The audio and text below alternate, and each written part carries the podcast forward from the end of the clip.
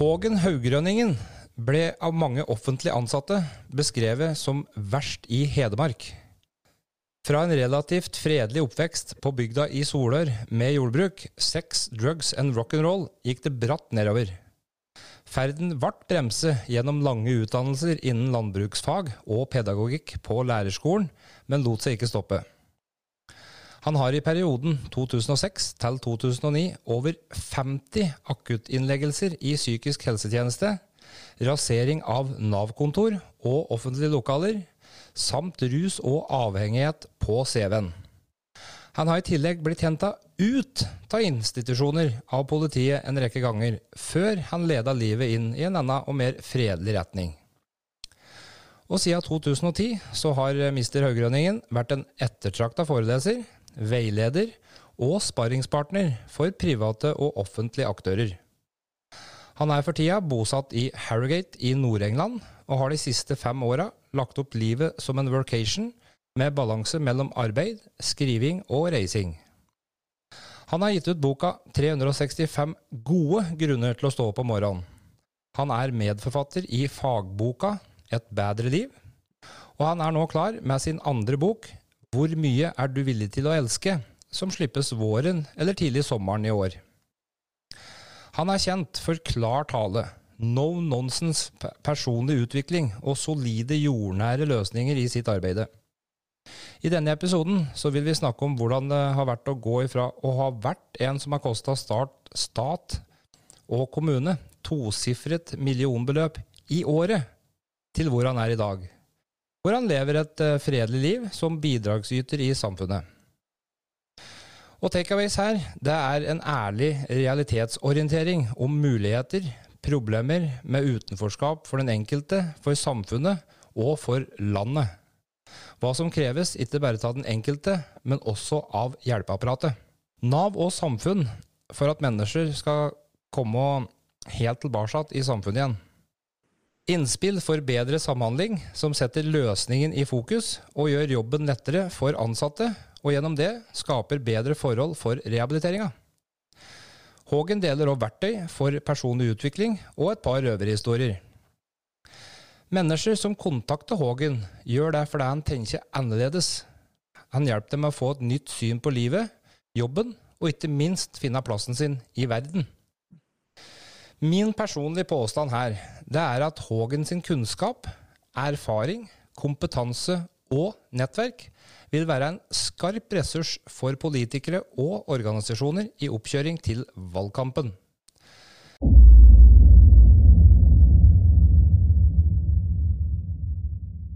Velkommen skal du være, Hågen. Tusen takk. God presentasjon. Veldig bra. Solid og grundig. Ja, takk for det. Vi kan starte med, med introen. da, Verst i Hedmark, liksom, for det er ikke mine ord. bare så Det er sagt. Ja. Det er en veldig fin innfallsvinkel. Så skal vi ta oss og dele noen hemmeligheter her i tillegg. Kult. At, um, hvis det jeg eller du eller noen andre er i kontakt med hjelpeapparatet, og vi har noe å klage på, Altså I tilfellet her så var det meg som ikke var helt fornøyd med Nav i hjemkommunen. Da vil jeg presisere at jeg har ingen grunn til å klage på Nav i hjemkommunen nå, for det har jeg ingen anelse om hvordan det fungerer, men hvordan det var. Bare så det er sagt, liksom, for adressert sånne ting i tid. Men her var det en del ting som jeg var svært misfornøyd med, og la inn noen klager. Jeg opplevde å ikke bli fulgt opp etter eh, utleggelse eller utleggelse, utskrivning 1, 2, 3, 4, 5, fram til 40 eh, utskrivelser fra akuttpsykiatrien. Så mm, jeg klagde jo på deg.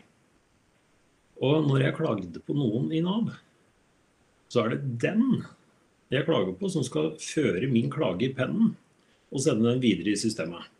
Smak litt på den. Mm.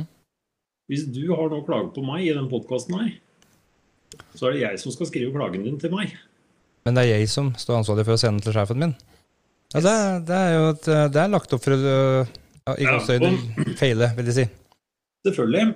Så i formuleringen da, fra Nav til uh, en eller annen hos fylkeslegen på Hamar, så blei de enige om at jeg var det verste mennesket de noensinne har hatt med å gjøre i Hedmark. Mm. Altså at de gjorde alt bra, Og at eh, det var ikke mulig å få til bedre. For at verre, eh, verre folk enn meg hadde jeg aldri vært borti. Etter hvert så ble det jo si, stillingskrig. Så etter hvert så hadde de jo masse å klage på meg. Men det starta bare med en enkel klage fra deg om at du følte at du ikke fikk den hjelpa du skal ha? Det var der vi starta. For at um, når jeg begynte å trenge hjelp Jeg skal ta den her litt mer kronologisk, så det er litt lettere å henge med. Jeg vil bare få med at det er ikke jeg som går og så henger eller besmykker meg sjøl, da. Verst i Hedmark, liksom. det er viktig også å få fram den biten der. Ja. Men eh, hvis noe har med meg å gjøre, har jeg lært, og jeg er i relasjon med noen andre på en eller annen måte, så avspeiler det jeg opplever, og det andre opplever. Det er gjerne to sider av det samme. Så hvis de opplevde meg som verst i Hedmark, så er det en veldig god beskrivelse av hvordan jeg opplevde dem òg. Mm. Hva skal si, dokumentasjonen på hvem som er verst, da. Jeg tror den i ettertid viser seg at eh, noen hadde mer rett enn den andre, for å si det sånn. Ja. Og det kommer vi sikkert tilbake til etter hvert her. Jeg håper det.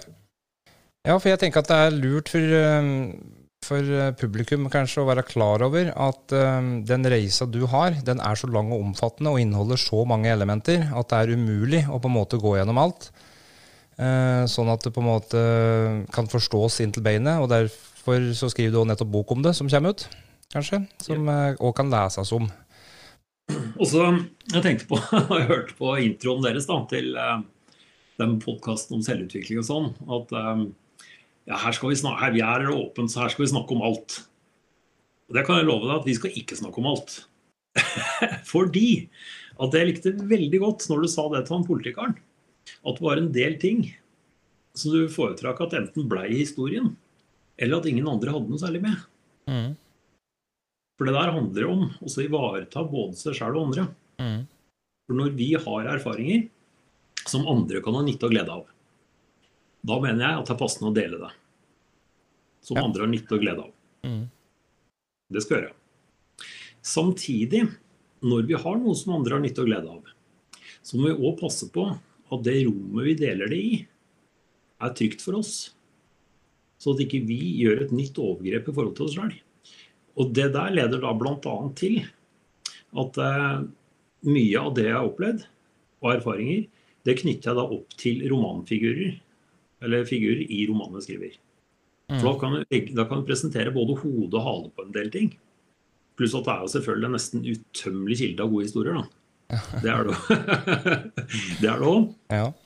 Og så er det det jeg sa i stad, om at eh, om Nav opplevde meg som verst i Hedmark, så opplevde jeg dem som verst òg. Så en del historier og en del erfaringer, det omhandler også andre mennesker. Mm. Og nå har jeg en plattform, og jeg blir hørt. Så det ville være veldig ufint av meg å bruke den til å tråkke nedover. Det kan jeg ikke gjøre. Men at vi skal sparke oppover, det skal jeg love deg. Det er bra. Ja, det gjør vi. Det er vi ikke redde for. nei, nei, for det er noe helt annet. Ja. Det er veldig viktig å ivareta den biten der. Men det er det. Jeg har opplevd sosial renovasjon. Jeg har opplevd å bli stempla som behandlingsresistent. Jeg har opplevd å være en ikke ønska målgruppe. Altså Jeg var for gammel til også å kunne motta noe støtte og hjelp fra Nav, for jeg er hele 37 år. Det er populært i dag når vi snakker om inkludering og sånn i arbeidslivet. Eh, Jeg har opplevd å bli forespeila uføretrygd til alles beste. Jeg har opplevd grov eh, feilbehandling og oversoning. Og jeg har opplevd å være et offer. Og den siste der, den klang veldig dårlig etter hvert i mine ører. Og det var egentlig det jeg så. Det tok litt tid før jeg skjønte det her. Men jeg så meg selv som et offer for situasjonen. Og det gjorde at jeg ikke hadde mulighet til å snu på den.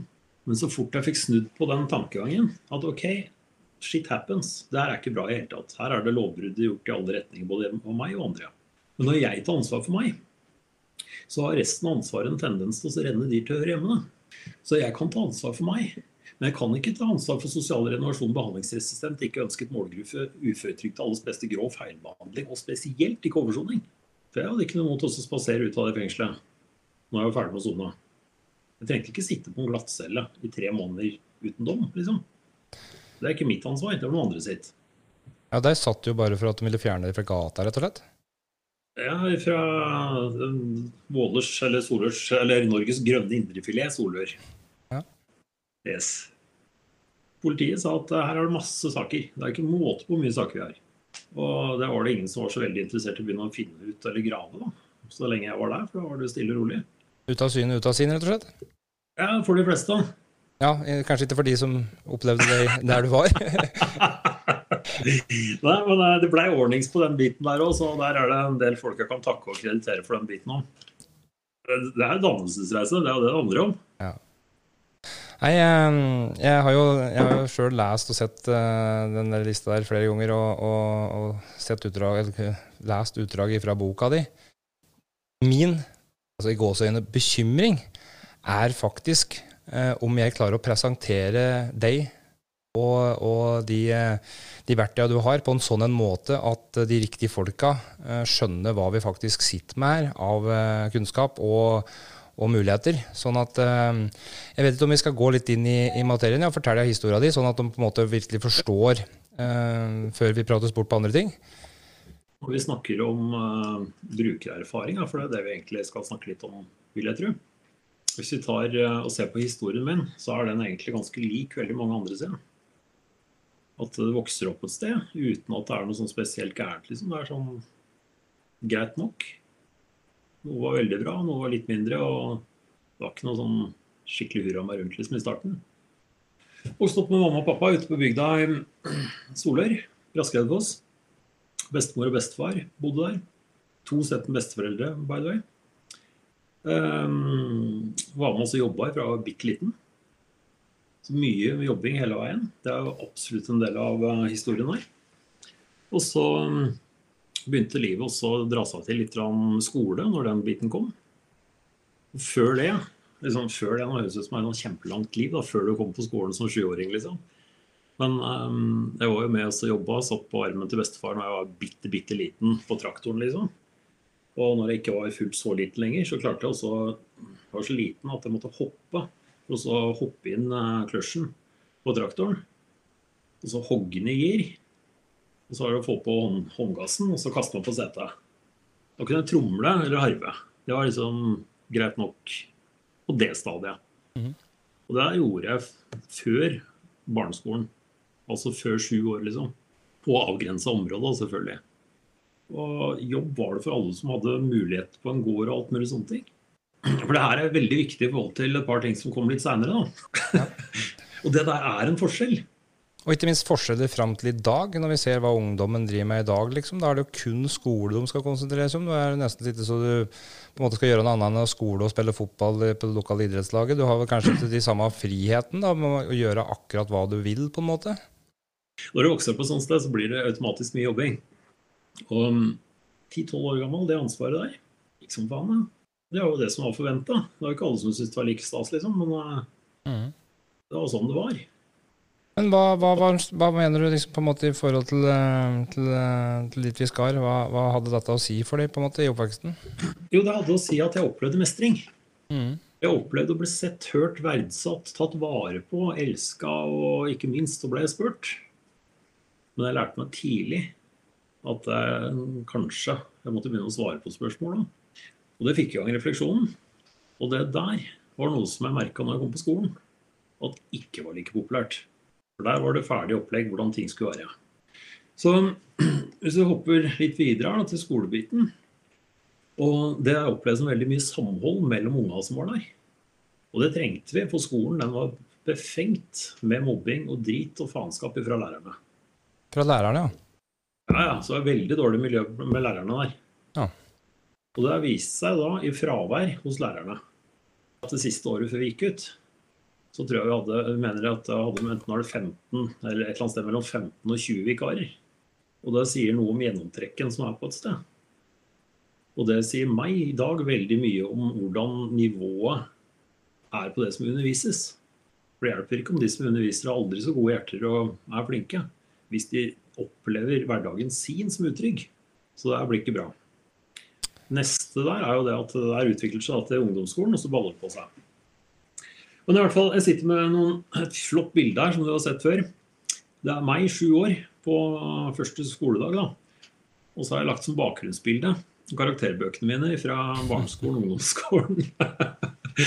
første år på gymnaset. Og i de bøkene der så står det at um, Hågen har gode evner og vil ikke bruke dem. Og så står det at jeg har um, god orden og nesten ikke fravær. Og så lite godt i oppførsel. Så det er en plageånd som er til stede hele tida. og det der sier meg minst like mye om skolens evne til undervisning som det sier om meg som menneske.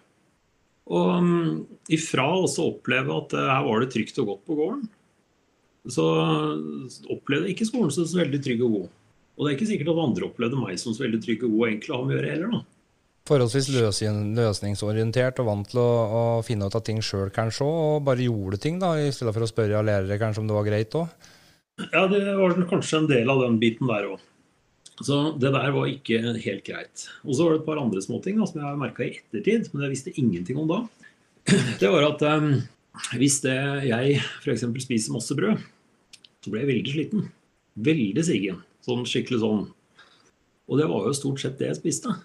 Og, og det der er jo helt motsatt da, av en som steller i stand faenskap i friminuttene og alt mulig sånne ting.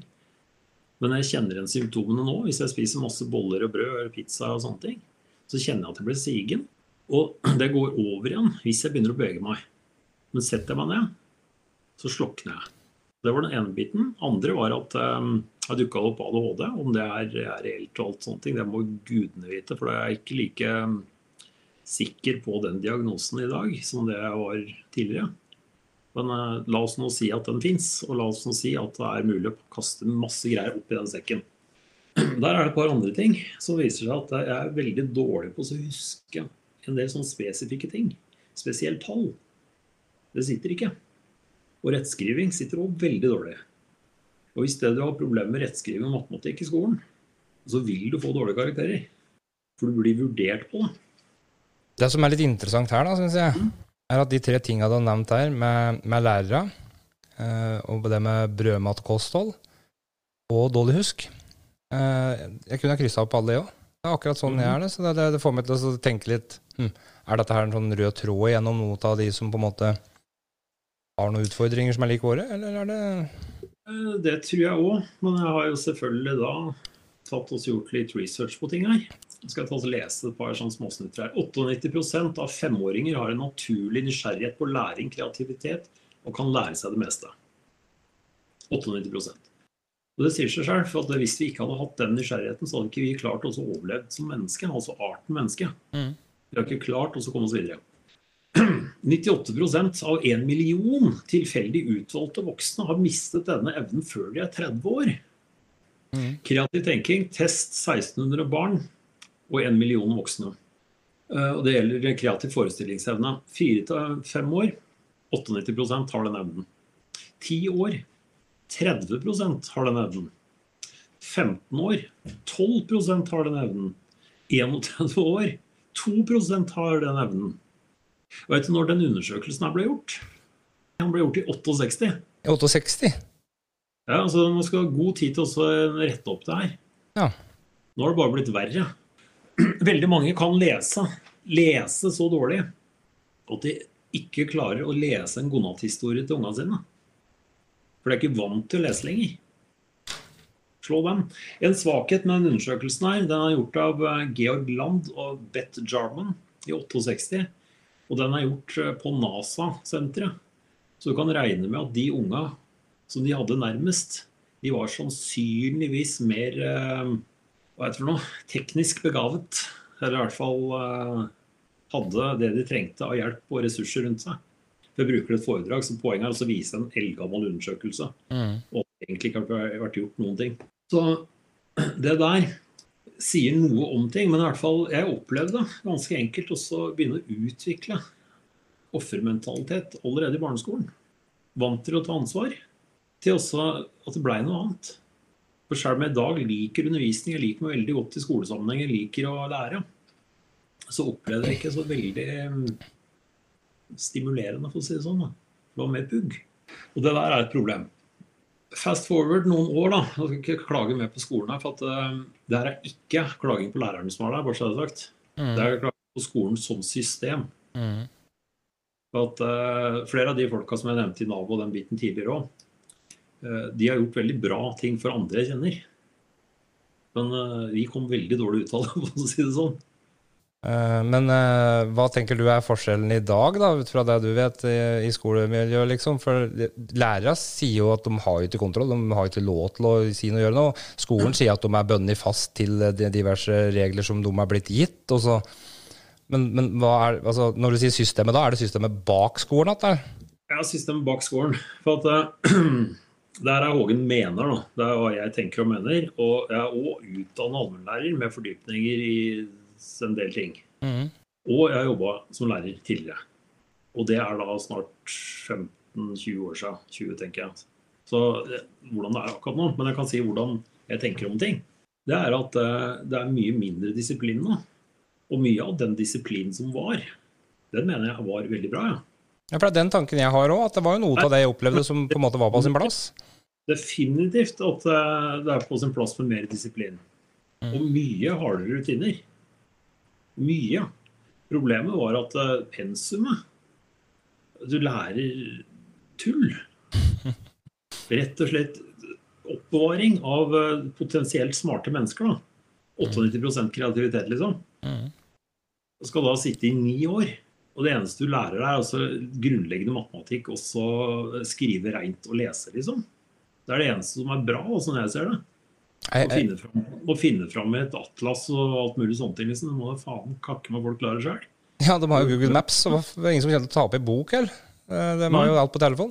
Sånn at der, tiden har jo forandra seg. Og jeg så en artikkel om dette der faktisk nå. Eh, jeg skal se om jeg får delt en link til den i, i teksten under, eh, under poden her men hvor det faktisk var gjort et intervju fra et eller annet politisk parti som, mente at, uh, som spurte elever på gata hva de syntes om skolen. Og de sa akkurat det samme som deg. Altså Det er i hvert fall ett år som er bortkasta. Som vi, kunne fullført de tre åra på videregående, i hvert fall på to år lett. Og, og brukt ett år til å på en måte funne ut uh, hva vi ville videre, eller uh, parallelt. Helt klart. Jeg mener at vi, vi vanskjøtter ungdommen som er på skolen. Mm. Og vi vanskjøtter samfunnet med å gjøre det altfor mykt og soft. Ikke at det skal bli hardt og plagsomt, for all del, men også putte inn noe substans. At, um, her kommer en av de tingene som irriterer meg. Da. Det er at I Norge så har vi et kunnskapssamfunn. Vi har til og med et kunnskapsdepartement. Noe som i mine ører er helt vanvittig. Hvorfor kunne vi ikke hatt et kompetansedepartement?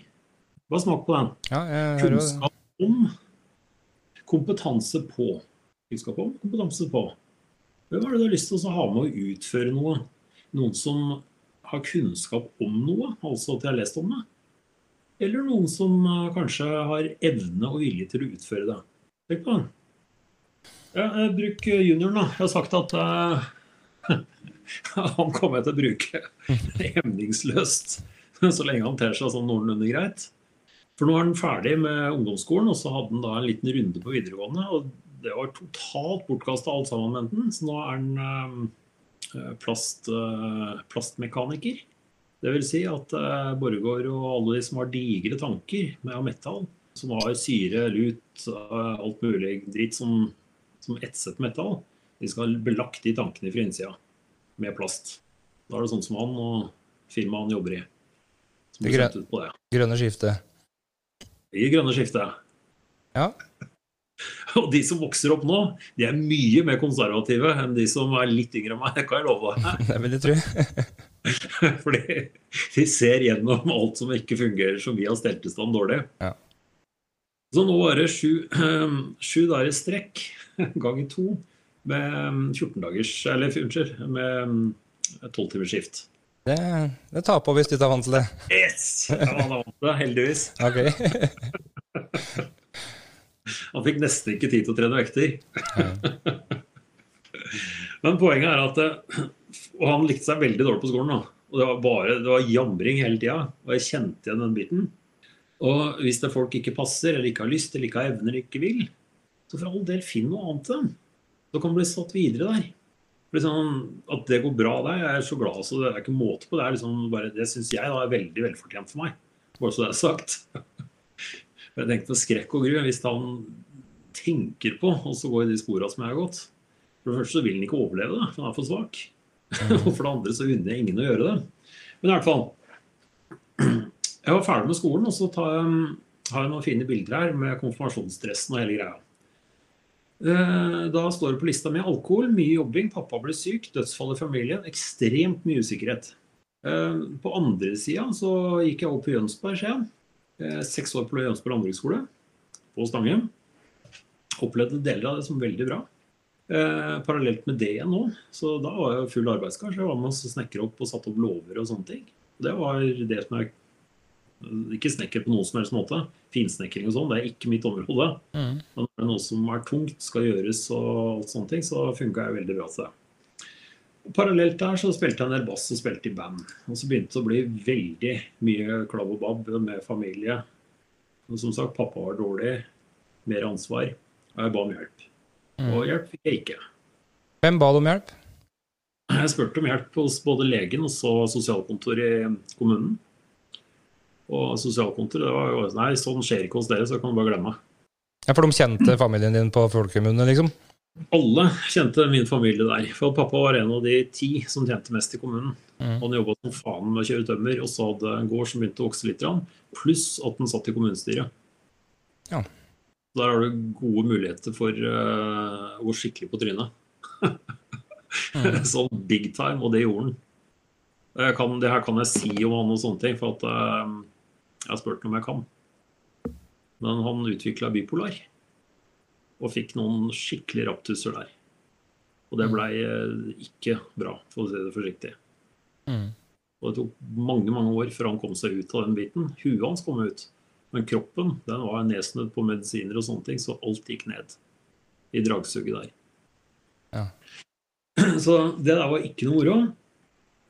Og mm, hva som skjedde videre der, da, det var jo at eh, jeg begynte å drifte mer og mer ut, liksom.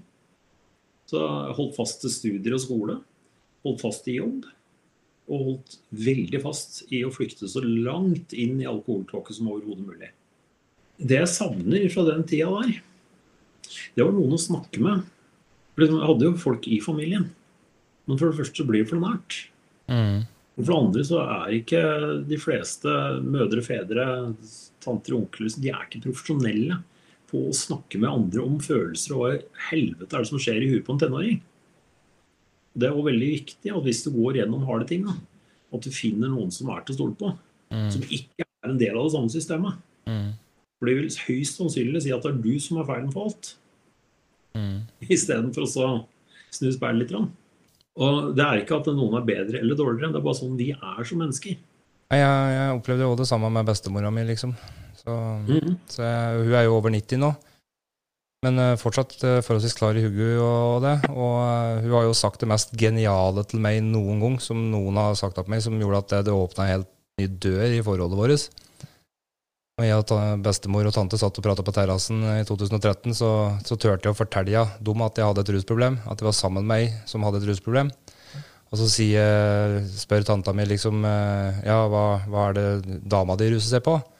«Ja, Det er det samme som meg, liksom. Og vi bruker litt heroin, røyker litt heroin og innimellom, liksom, Så jeg. Jeg kan liksom fortelle alt, tenkte jeg, for jeg orker ikke å ha flere hemmeligheter.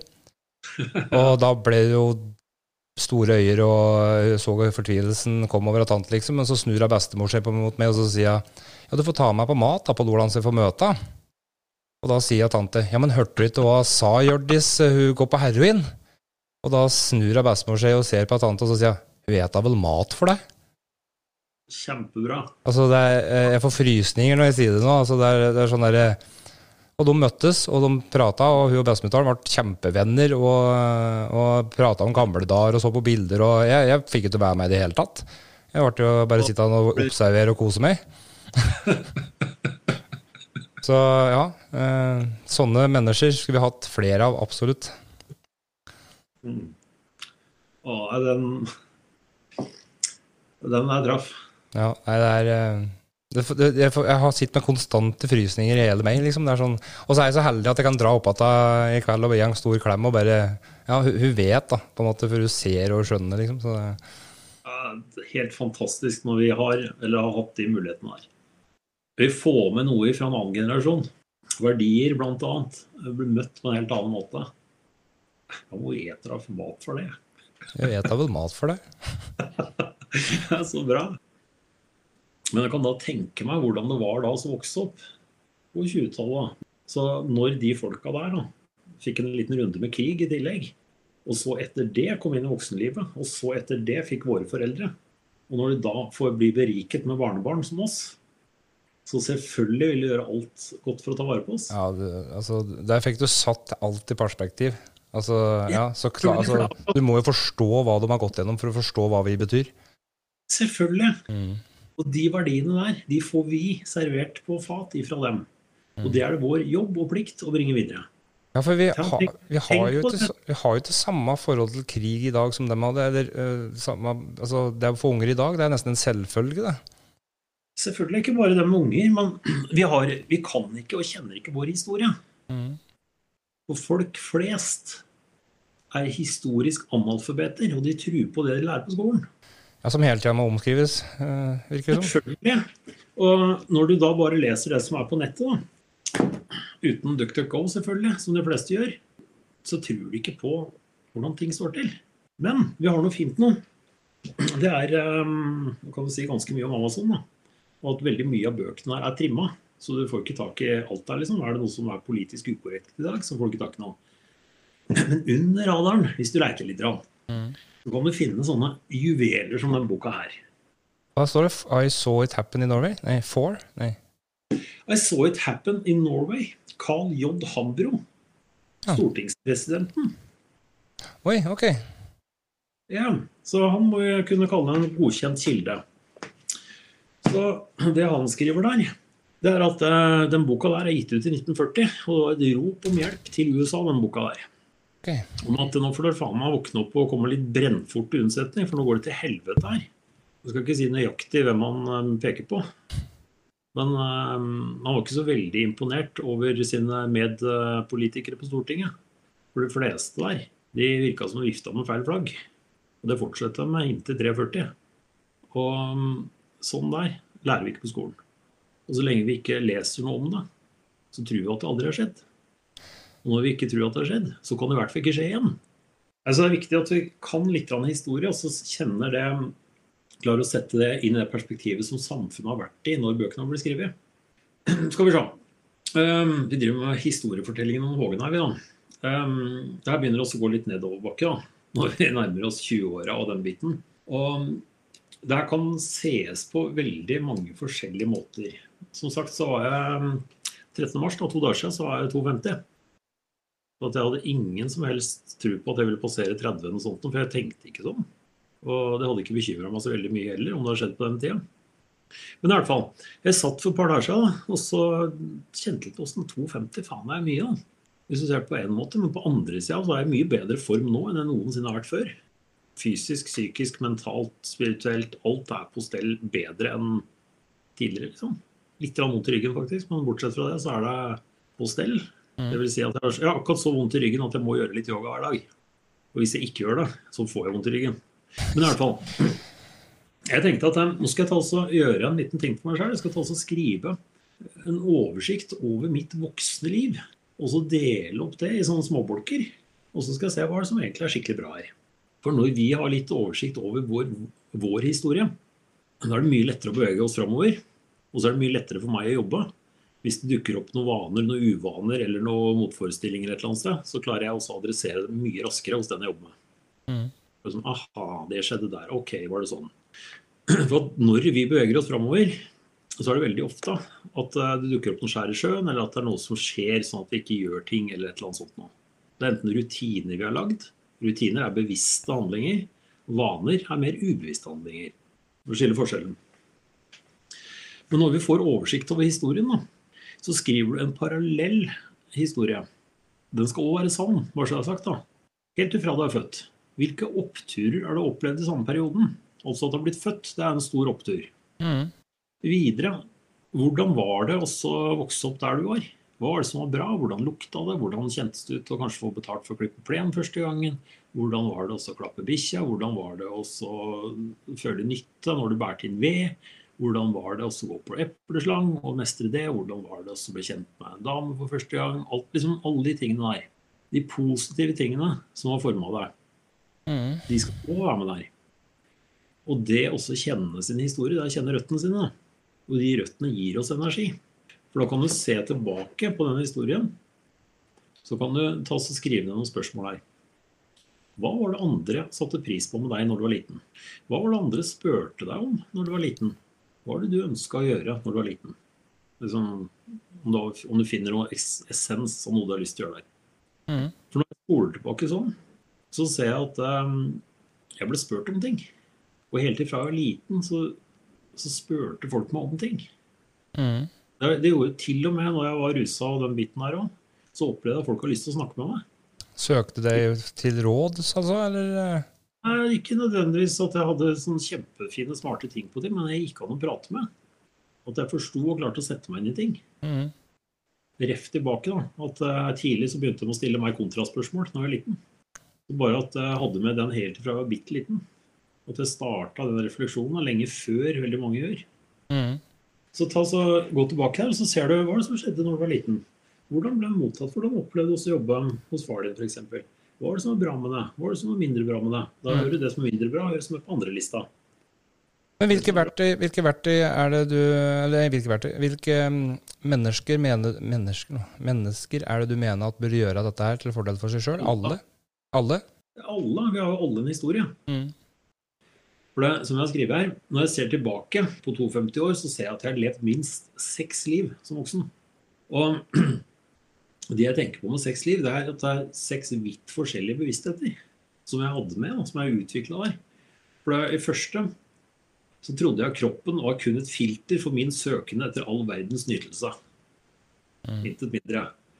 Og det er en tekst som jeg hadde skrevet på den tida, altså. Ja. så med litt justering, hvis jeg bytta ut kroppen, eller eh, jeg tror kroppen var et filter for min søken, for sjelens søken etter all verdens forståelse eller innsikt. eller noe sånt. Noe. Så hadde vært veldig dypt og fint. Ja. Veldig fint skrevet. Ja. Men jeg som menneske var ikke i nærheten av modenheten til å forstå det. Mm. Jeg tenkte kun på å få dekka mine egne behov. Ja. Det var tankegangen der, eh, og bevisstheten helt til eh, nesten slutten av 20-åra. Eh, og deretter så kom en ny kjempesnuoperasjon i forhold til rus. Stramma opp så det holdt. Og inntil da så har jeg drukket mye. Og da snakker vi om mye i, om du sammenligner uh, Moelven, Braskereidfoss, uh, Solør, Løten, Stange. Mye, altså. Ikke uh, Oslo, Frogner mye, men klart til 36 øl og sånn. For det, det her er interessant da, for folk som har den bakgrunnen. De kan gjerne sitte og skryte av hva vi har gjort. Som om det skal være noe skikkelig sånn bra karstykke, liksom. Som vi egentlig burde skamme oss skikkelig over. Ja, det har vel endra seg, det òg. Eh, fra, ja. fra røverhistorier til å på en måte tenke meg om at dette her tror jeg jammen meg bare holde kjeft om. Nemlig. Men poenget er at ok, da, i den type bevisstheten så var det sånn. Ja. Og veldig mange er fremdeles i den. Men i hvert fall, jeg begynte å um, se at her må jeg snu litt. Fikk um, satte kursen på lærerskolen.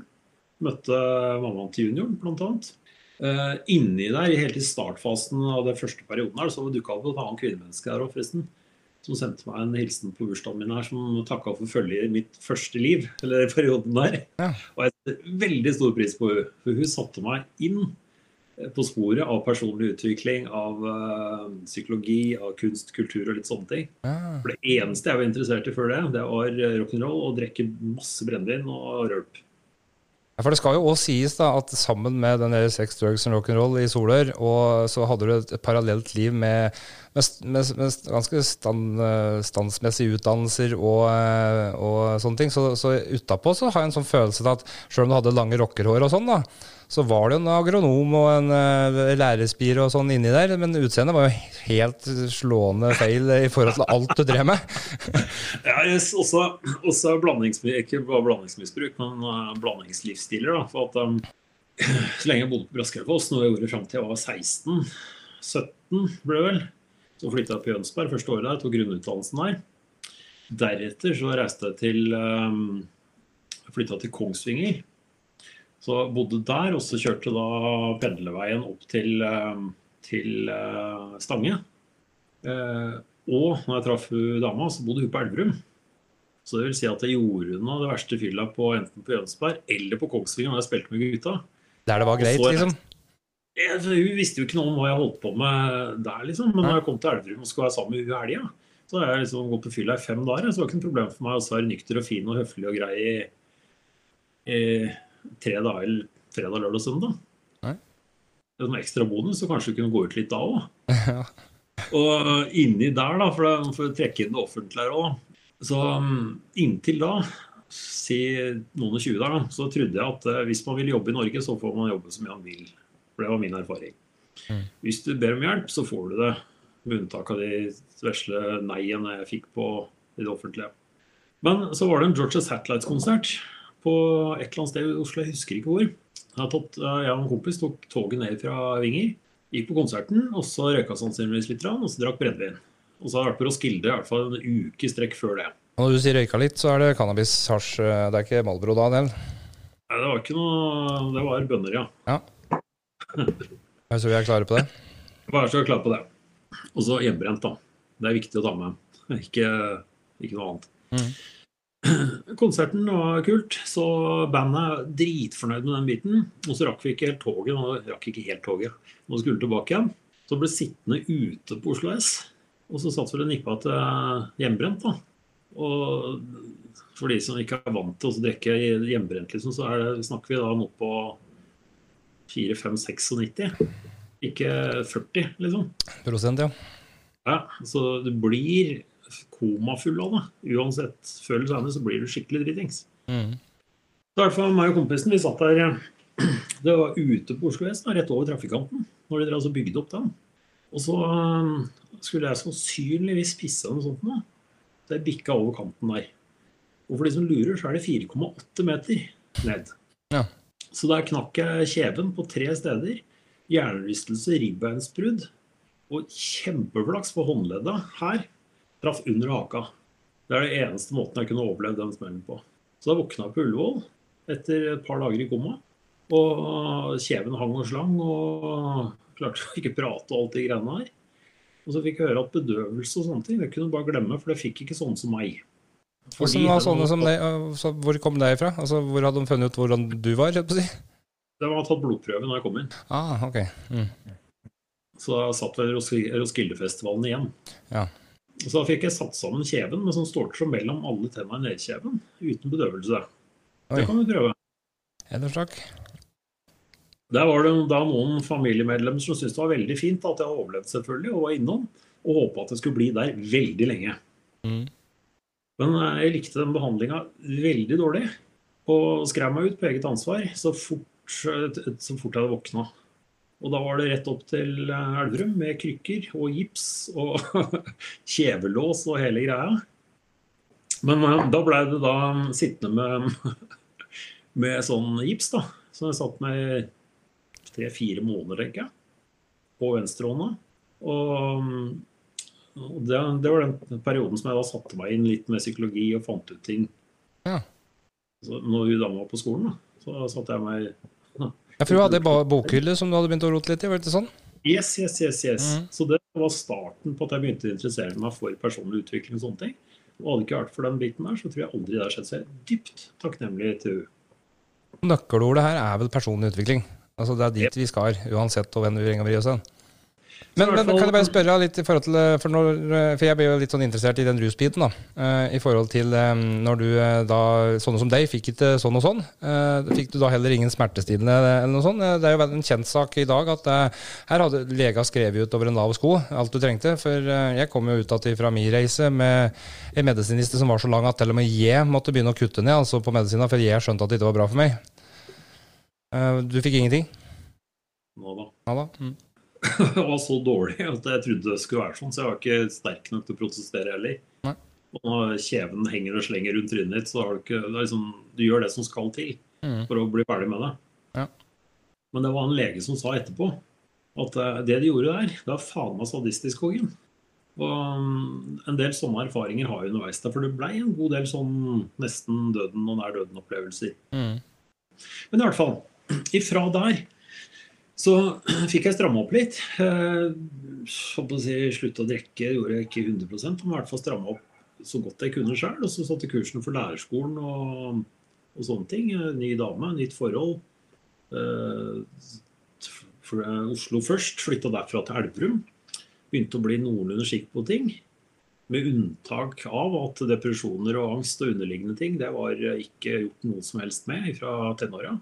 Så det var liksom følger som en rød tråd. da. Hvor gammel var du da på dette tidspunktet? Ja, nå snakker vi 30. da. 30. Nå snakker vi Mm. på 30. ja. Mm. Og det var samme perioden som uh, lykkepiller kom. da. Så jeg fikk jo mye antidepressiva.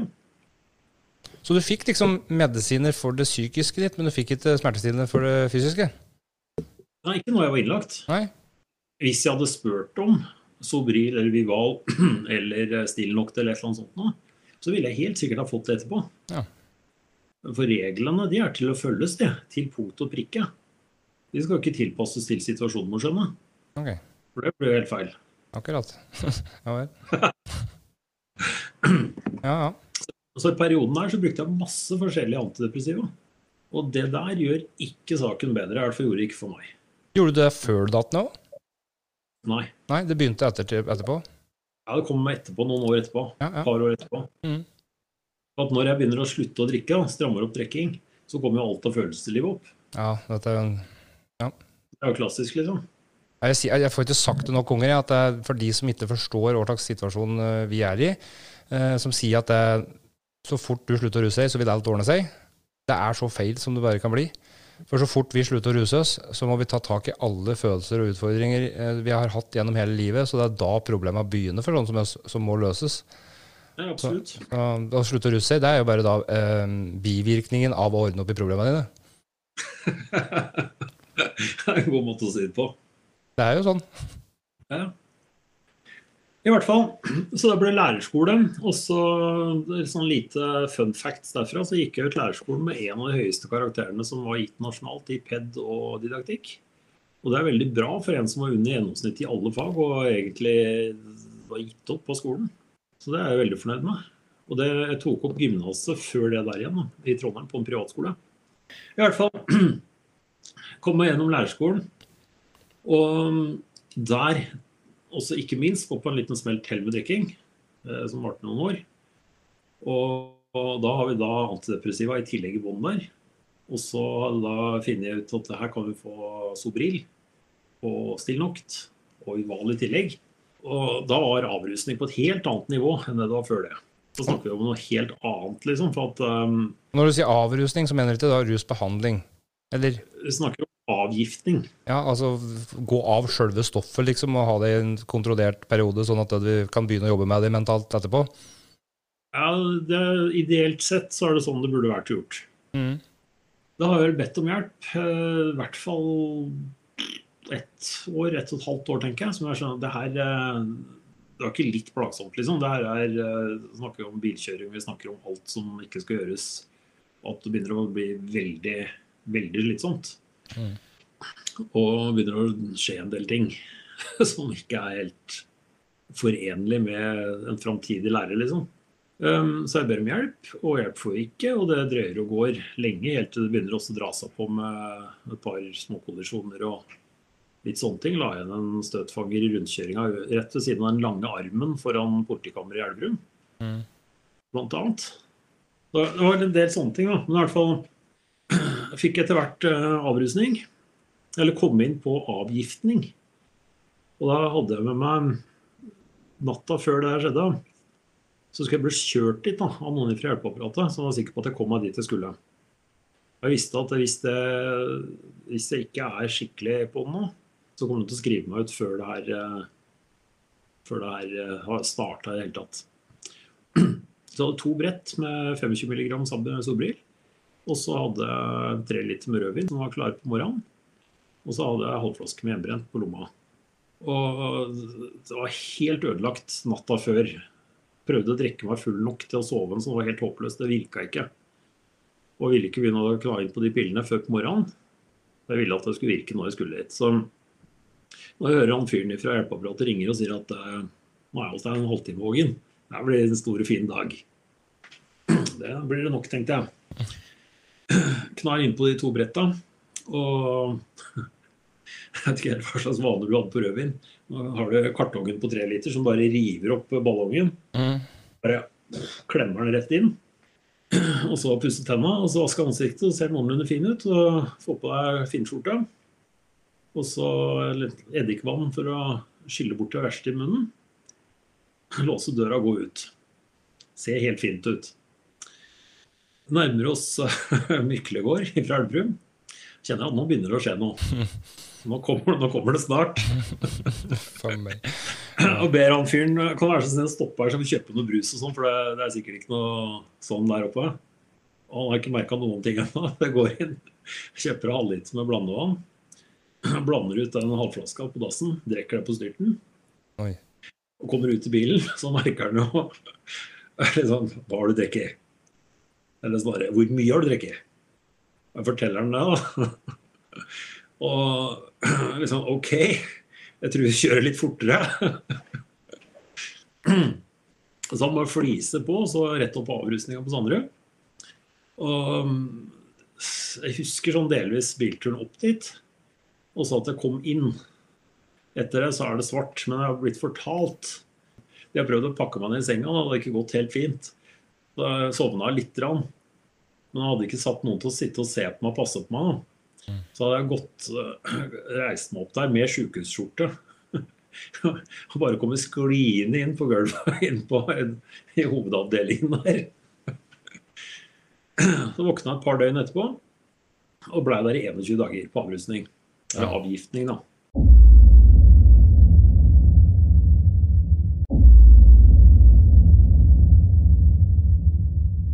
Og Årstall er vi snakker om da? Eh, Nå snakker vi da mm, 2005, tenker jeg. Nøyaktig ti år før jeg var på min første 21-dag der. Sånn pluss-minus. Mm. Pluss-minus. Jeg hadde en liten runde på Ilseng før det òg, forresten. Og det var omtrent samme inntaksmetoden hos meg da, som nevnte akkurat deg. Det Ja. var modus operandi. Det som er litt spesielt, er at eh, ti år etterpå, når jeg kom dit, så hadde jeg akkurat samme enteren. Bortsett fra at eh, jeg satte et skudd med amfetamin på parkeringsplassen rett før jeg gikk inn, så jeg, jeg så to-tre dører og skjønte ikke hvor jeg skulle inn innpå der. Og jeg tror mange som, som er rusavhengige, kan kjenne seg igjen i den der fremgangsmåten her, da. Selvfølgelig, for hvis du ikke gjør det, så tror du noe faen er bare tull. Mm Det er sånn, ja, men det var ikke så gærent. Og jeg skjønner det godt òg. At eh, jeg har sittet i sånne møter og pratet med folk og lurt på hva i all verden gjør de her egentlig. Mm. At eh, det er, eh, det er jo en helt vanlig mandag formiddag, det du prater om. Mm. Det her er jo ingenting. Men allikevel, som vi snakka om i stad, noe som er heavy for ett menneske, det trenger ikke være heavy for et annet. Nei, for dette her er jo litt at det er de som sitter og hører på dette her nå, liksom, som har noen med rusavhengighet i familien sin, som ser det de tror de vet. Eh, De har jo egentlig ikke peiling. Altså, det skjer så mye bakafor her som de ikke er klar over. Og det er så mye ting som på en måte er så uforståelig og ubegripelig for dem, som klarer ikke å sette seg inn i situasjonen om de hadde prøvd en gang. Det, og de tingene som vi prater om nå, og de mengdene og den biten, det er jo ting som jeg ikke hadde så veldig lyst til å snakke med folk jeg kjente om heller. Jeg vil ikke si det til dem som ikke kjente til. Men, men, men, de skjønte jo når, når, når de måtte forlenge avrusninga mi med, med ei og en halv uke. For at det, det som skulle ta fire dager, da, etter det jeg hadde sagt på papiret til eh, nevropsykologen eh, om hvor mye amfetamin jeg brukte, eh, da er det sånn her ok, fire-fem dager avrusning, så er du clean, da kan du over på medisiner. Det gikk ni dager før jeg pissa reint, hvor det var fem dager hvor jeg ble beskyldt for at jeg hadde hatt med meg stoff inn dit, for det gikk ikke an. Mm. Så de begynte å ransake rommet mitt i tillegg. Så det, det var litt sånn der, Jeg kan prate på system og sånn, men jeg føler at det her, her ble det lagt opp litt feil da, på en måte i forhold til hvor jeg var hen. Men at det trengtes, absolutt. Helt klart. Og de greiene for min del der, det kunne vært unngått hvis jeg var tatt inn et år før. Og enda mer etter den runden der med avgiftning, da. Så ble jeg sendt på to måneder på omsorg, som heter så fint. På et fint sted ute i skauen på Toten. Som får lov til å sitte og tvinne tommeltotter og skjønne ikke noe. Ja. Og der var det de andre som var der. De var jo da sendt i terapi og samtaler og alt mulig sånne ting. Og fine A-møter. Men det var jo ikke for meg. For Nei. kommunen ville ikke betale for det. Da var jeg faktisk mottakelig for det. Hvorfor ville de ikke betale for det? Fordi de som jobba der da, er noen kålhuer. De skal aldri jobbe med mennesker. Og det er gjengangeren hele veien i forhold til det som kommer nå straks. For de så det som engangstilfelle, alt sammen. Så lite som overhodet mulig hver gang. Istedenfor å gjøre det ordentlig. Ja, for eh, de fleste vil kanskje tro da, at når du kommer inn på Sanderud der, så gjør de en ordentlig opprydding i hele livet ditt fra hvor problemet kanskje starta, og, og kartlegge sånne ting, så du kan planlegge reisa for deg videre, så du kommer ut til andre enden med et opplegg som fungerer. da. Men sånn er det jo ikke. Nei, nei, nei, jeg fikk en eh, lang og fin utredning i forhold til ADHD med en psykiater og en psykolog. Eh, og så fikk jeg en stor, fin, feit bunke med alt som var gærent med meg når jeg gikk ut. Og ingenting. Ingenting av forslag om hva som kunne vært bedre, eller hva som kunne gjøres. Og da står jo selvfølgelig Nav og sier at men her er det ikke noe gærent. Du trenger ikke noe hjelp. Så der fikk jeg Jeg utreda for ADHD tre ganger, tror jeg. To ganger seinere av nevropsykolog. Og da fikk jeg mer som en oppskrift på hva er det som er gærent med meg. Og hva er det som er bra, ikke minst. Og hva er det som kan gjøres, hva er det som bør gjøres. Så det var som en manual på meg sjøl. Mm. Da fikk han forklare på hvorfor matematikken er sånn som den er, hvorfor jeg har problemer med rettskriving. Og hvorfor jeg ikke har noe problem med å ta ut essensen i store sammenhenger. hvordan og på å grave og finne ut av ting og legge fram og sånne ting. Hjernen min er konstruert for det. Mm. Men alt som handler om skole og de realfagene, er konstruert for å ikke ta inn. Det var liksom Hvor er hølene? Jo, det er der. Ok, mm. det er det du skal bruke mest tid på. Hva er det som funker bra? Ja, det får du ikke gjøre i hele tatt. Nei, men Da har vi jo faktisk oppsummert den første ordentlige avgiftninga, og, og, hvor du faktisk hadde et ærlig, godt uh, utgangspunkt da, på en måte for å kunne lykkes. Det var kjempebra. Eh, den biten der så på utsida så så det kjempebra ut. Så jeg flytta jo inn på gården etter bestefar, pussa opp den, snekra litt kjøkken, fikk pussa opp, malt opp. Um, ikke minst levert rene urinprøver i en evighet, og nykter i ett og et halvt år. Mm. Kjæresten, altså mor til junioren, flytta inn igjen med junioren. Og det er så veldig lovende ut. Så her har Våler kommune en potensiell skattebetaler som flytter tilbake igjen. Fastlegen mente at uh, dere banditter og kjeltringer, ta se her, gjør som Hågen. For det her er sånn avrusning skal gjøres. og så fikk han plass da opptrening og alt sånne ting, og utdannelse og alt lå til rette her, liksom. Problemet her var at eh, hvor lenge klarer jeg altså å holde en stø kurs når jeg ikke drikker? Når følelsene begynner å komme på innsida? Når du begynner også liksom, OK, angsten og depresjoner fra tidligere, nå har ikke blitt gjort noen ting, men det var verre. Og så legge på som småbarnsfar i tillegg. Da. Pluss det presset med at her kommer litt studielån og gjeld begynner å glefse. At uh, her bør du begynne å komme deg ut i samfunnet og jobbe litt. og få deg på, liksom, Det begynner å rakne. Mm. Og jeg merker at det kommer til kort. og får da tilbud om å prøve noen medisiner i forhold til ADHD. Stratera var det første jeg prøvde. Hvor gammel var du da, bare for å sette det litt i perspektiv? Det er da, 6, da er 36, tenker jeg. 36. 5-36. Mm.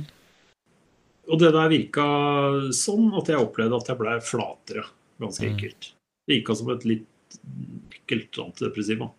Ja, det, det, sier du faktisk. Altså, det, det, tok bort det verste, og så hadde jeg sånn tung, tung sky over hodet hvor jeg fløy og lurte på hva det egentlig var, dette her. Ja, så jeg kjente at det her er ikke, det her er ikke veien å gå. Men det holdt meg unna andre rusmidler. Det var det viktigste for meg. Det var det holdt meg unna amfetamin. Og, ja. ja. ikke alkohol, da, men det holdt meg unna amfetamin. Sånn at, eh, sånn at, jeg så på at det er som en gyllen grunn til å erstatte det ene med det andre som var lovlig. At det kunne da fungere og bli akseptert i, i samfunnet. Ja, vi, vi, kommer dit nå straks. For at um, det her funka ikke. Så jeg kjente at det her, eh, det her er ikke gangbart. Og da spurte jeg om det er mulig å kanskje, kanskje jeg kan få noe hjelp og så få noen å snakke med, kanskje noe coaching, kanskje finne ut hvordan er det egentlig å være voksen med ADHD og finne ut at her er det en haug med ting som du ikke har skjønt. Som åpenbart andre mennesker har god innsikt i, som har gått deg hus forbi. for liksom, Det er en del av det å få en diagnose på noe seint, for du har hatt et handikap som jeg ikke skjønte noe av. Men uh, sånn fungerer det ikke i verden. Da. For det første du skal prøve da, er Ritalin.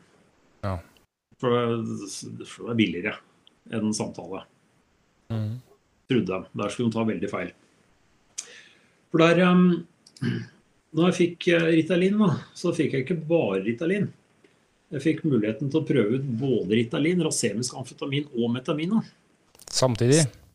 Samtidig, for jeg skulle prøve å bruke, skrive dagbok på sommeren. Oi. For jeg førte inn det her, for å vise liksom, at jeg hadde oversikt over hvordan de forskjellige tingene virka. og sånne ting da. For jeg var så ressurssterk, skjønner du. At det der skulle jeg klare fint. Og så har det sikkert noe med at på sommeren så er det jo ikke helsepersonell tilgjengelig, for det er ikke på jobb. Nei, det kan jeg bekrefte. Altså tre typer legeamfetamin, altså, samtidig. Jepp. Og jeg gikk på en av de der du nevnte der, og vet hvor heavy det var, så jeg kan jo bare forestille meg hva som drev og skjedde med deg da, hvis du i tillegg da fikk blanda litt alkohol inn i bildet. Den kommer litt seinere. Men hvorfor i all verden ga de det tre? Bare for å spørre om det i sånn, uh, utgangspunktet. liksom. Hva, hva var grunnen til at de ikke prøvde? Nei, det var for å spare inn tid da, på at det var sommeren og at jeg var så ressurssterk, da, selvfølgelig. Så du skulle liksom bare finne ut dette her sjøl? Ok, denne her typen her, den funka best, så da tar vi den? Ja. Ok. God plan. Ja, og så da er det helt sikkert når kanskje noe helsepersonell eller sånt som hører på der, så sier jeg men sånn gjør vi ikke, og sånne ting. Da kan jeg også tilføye i samme slengen at han legen som skrev ut til deg, han hadde mista lisensen og fikk tilbake den rett før han jobba med meg. Og han var ikke samarbeidsvillig i forhold til å ta noe ansvar på ting etterpå. Og av legene jeg hadde i den perioden der og de fire årene som kom, da i hvert fall fire av dem mista lisensen. Og en som var rett rundt hjørnet, ikke som jeg jobba med, ikke som hadde noe med meg å gjøre, men han skøyt kona si og skjøt seg sjøl etterpå. Ja. Det liksom, der ligger lista for legene som jeg hadde med å gjøre, og som opererte i indre Solør-regionen. Ja. Jeg merka at um, her er det noe som begynner å skje som jeg ikke har helt kontroll på. Jeg kjente For det, liksom, det virka ikke på det det skulle. da. Det er bare så det er sagt. Nei. Det var liksom, og nå snakker vi om vanlige doser. Så det var ikke noe hurra meg rundt-doser eller noe sånt, og det kommer etterpå. Mm. Men jeg merka at eh, det begynte også å bli vanskelig å sove ordentlig. Jeg merka at det ble vanskelig å fokusere, for det skulle jo virke motsatt. Jeg merka at eh, det begynte også å skje ting rundt meg. Tingene skjedde jo helt sikkert ikke, men jeg så dem som de skjedde. Og så husker jeg jeg sto på kjøkkenet og så, så på junioren. Og så så jeg i øya hans at han så at det ikke var noe hjemme. Ja. Og jeg visste at eh, nå har jeg veldig kort tid på meg, for nå er det et eller annet som skjer her. Som jeg ikke klarer å håndtere eller ha styring på sjøl. Så jeg avslutta forholdet med fruen og sa at jeg måtte flytte ut. Alle sånne historier er det forskjellige versjoner av, selvfølgelig. Men det er den versjonen jeg har, og den som jeg presenterer her. Var det for å redde dem, på en måte? Jeg tenkte at Mm. eh, her skjer det noe som jeg ikke veit hva er for noe. Og at eh, det her eh, ønsker jeg ikke at han eller hun skal oppleve. Og veldig gjenkjennbart i reisa mi etter dette, hvor jeg fjerna meg ifra dem. Uh, bare drog. Mm. Og alle lurte på hvor det ble av meg, hvorfor jeg ikke kom tilbake igjen, hvorfor jeg ikke hadde kontakt. Og jeg visste ikke, men jeg bare visste at jeg ikke ville være rundt dem. Jepp. Vi gjør det for at vi, er, vi bryr oss om folk, ikke for at vi er slemme. eller for at det, I hvert fall ikke jeg, da. Jeg, jeg gjorde det i hvert fall for å på en måte beskytte dem ifra meg, følte jeg. For, for ting jeg ikke på en måte klarte å håndtere. da, eller altså, Jeg, vil ikke, jeg vet ikke hvordan jeg skal beskrive det, men, men jeg gjorde det ut av godhet, i hvert fall. I første, første fasen der så følger jeg den 100% For der var det, Jeg ville rydde opp, jeg ville ikke at det skulle komme noe dritt tilbake til dem. Jeg visste ikke hva som kom til å skje her. Jeg kjente, jeg var redd. Livredd. Og så begynner ting å dra seg på. Og det der gikk ifra at jeg starta, så tok det et par uker til at de flytta ut. Og deretter så tok det i hvert fall ikke mer enn to, maks tre uker før jeg var eh, innlagt på Sandrup på tre uker første runde. Og det, der òg var det mye greier. Da. For at um, jeg husker at jeg var på legevakta, og at um, Nå veit du litt hvordan den type legeamfetamin virker, og hvordan andre typer amfetamin virker. Eh, Andre det virker mer utagerende. Helt sånn wow, her er det et eller annet positivt som skjer. Mm. Andre er mer som implosjon. Mm. Sånn, «Åh, hva faen er det som skjer her? Og jeg klarte nesten ikke å bevege meg. Jeg ble treg. Ekstremt treg. Og så at eh, ansiktet rundt meg begynte å få forskjellige lag. Hallusinasjoner, altså. Enten det, om det er sånn eller ikke, det kan jo kanskje diskuteres litt. Men jeg så, jeg så strøm. Mm. Jeg jeg så vind. Og det er ting som definitivt er her. Men jeg ser ikke det nå.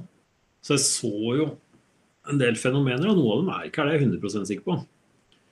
Og jeg begynte å leite etter ting, som f.eks. lyder og sånne ting. Jeg hadde ikke lydhalsinasjoner. Jeg hadde ikke lukthalsinasjoner. men jeg hadde synshallusinasjoner. Og For å beskrive litt hva jeg opplevde rundt de tinga der Jeg hadde, har ikke hatt så sterke som deg, bare så det er sagt. Men eh, for å beskrive hva du så, kan det beskrives som at det blåser ute, og så blåser du litt eh, røyk fra røykmaskin. Da kan du se vinden. Sånn som der, Du måler vinden over biler når du skal måle luftmotstand, så slipper de røyk. Du ser nesten vibrasjonen av frekvensa, på en måte. Altså det, du vet at det er der, og du kjenner det og du føler det, men du skjønner ikke hvorfor at du ser det. på en måte. Nemlig. Nemlig. Og når du sier det med ser de tingene at et vanlig, normalt menneske vi skal ikke ha mulig å se sånne ting. Uh, inne på akuttposter så er det ofte at de har uh, IR-lys. Ja.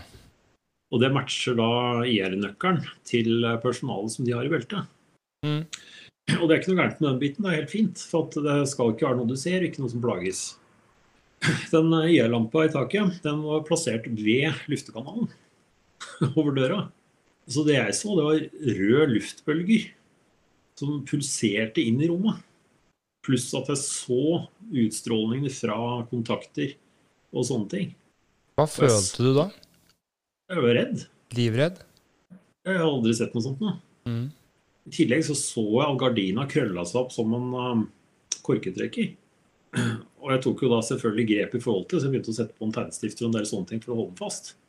Og videre at jeg så andre ting enn det ansiktet mitt i speilet og sånne ting. Og der kom barberskum inn. Eller at det plukka fra hverandre speil i fillebiter, småbiter, for å se om det var noen der. Kjenner igjen i det. Ja. Uh, å høre stemmer og sånne ting. Ja. Hvis du er på en akuttpost, så hører du kanskje det er noen stemmer på andre sida. Uh, det tok lang tid før noen fortalte meg at det var en radio der. At det er helt sjukt. Altså, det må oppleves for å skjønnes. Ingen som ikke ja. har vært der. De, ja, men, men vi, vi, prøver å male et ganske nøyaktig bilde her. Hva det Altså, Vi er ikke gærne her enda. ikke enda. Jeg prøvde å sortere det. Jeg husker at liksom, Selvfølgelig må det være folk her. Men det er ikke naturlig at det er så mange mennesker der. Men hvis du har en radio, så er det liksom uendelig med kanaler og uendelig med mennesker som kan være og snakke der. Men jeg hadde ikke noe med hva som skjedde på naborommet, og i hvert fall ingen som har lyst til å fortelle meg det. Mm. Så, og på utsida så så jeg fin ut. Så når jeg prøvde å forklare de tingene her, da, eller forklarte at det er et vesen som, som er i ferd med å gå inn i kroppen min. Eller din, for den del. Jeg så jo sånne mekaniske vesener som gikk gjennom rommet, gjennom tid og rom og luft. Beveget seg gjennom. Og prøve å forklare noe sånt noe. For det første så er det ingen som har lyst til å si at det skjer. Og for det andre så blir du ikke møtt på det. Da veit du at ok, det jeg ser nå, hvis jeg ser det, så er jeg jo spikk gæren. Og hvis det, det ikke er sånn, så er jo verden helt annerledes enn det jeg trodde. Og begge deler er ikke bra, da. Men i hvert fall tre første ukene her så ble jeg oppfatta som schizofren. De var helt sikre på at jeg var schizofren. Det var helt, helt til en eller annen smarting begynte å se litt nærmere på hva slags medisiner jeg fikk. Men hva trodde du sjøl på dette tidspunktet? For du måtte jo på en måte gjøre det opp en mening. altså Klarte du å koble deg med medisiner? At dette her kan skje pga. medisiner jeg får, liksom? Nei, jeg trodde jeg trengte dem. Så du trodde at medisina eh, gjorde deg frisk? Du var i den trua at dette her har ingenting med det legen har gitt meg, liksom? Ikke i starten. Nei. Det tok i hvert fall halvt år, halvt års tid før den uh, innsikten der kom. da. Og da hadde heller ikke opplevd noe når du røyka cannabis eller bønner eller noe sånt noe lignende der, eller, som hadde gitt deg noe sånt noe? lett noia og sånne ting. Ja, men, ja, ja det, det, skjønner jeg, men uh, det er en lett bekymring da, i forhold til hva som skjer her, liksom.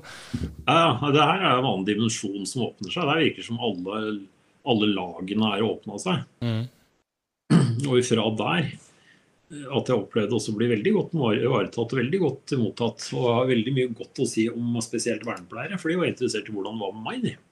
Jeg har eh, akkurat rett under nesa mi her, så har jeg en dagsplan den er fra 28.9.2007. Din status i post er tett tilsyn. Din legepost er prikk, prikk, prikk. Din eh, kontakter i post er prikk, prikk og prikk, prikk. PC benyttes på rom etter et avtale. Tider skal låses, bla, bla. Det er en veldig fin liste som ser veldig ryddig og grei ut. Mm. Og det er sånn de liker å vise fram.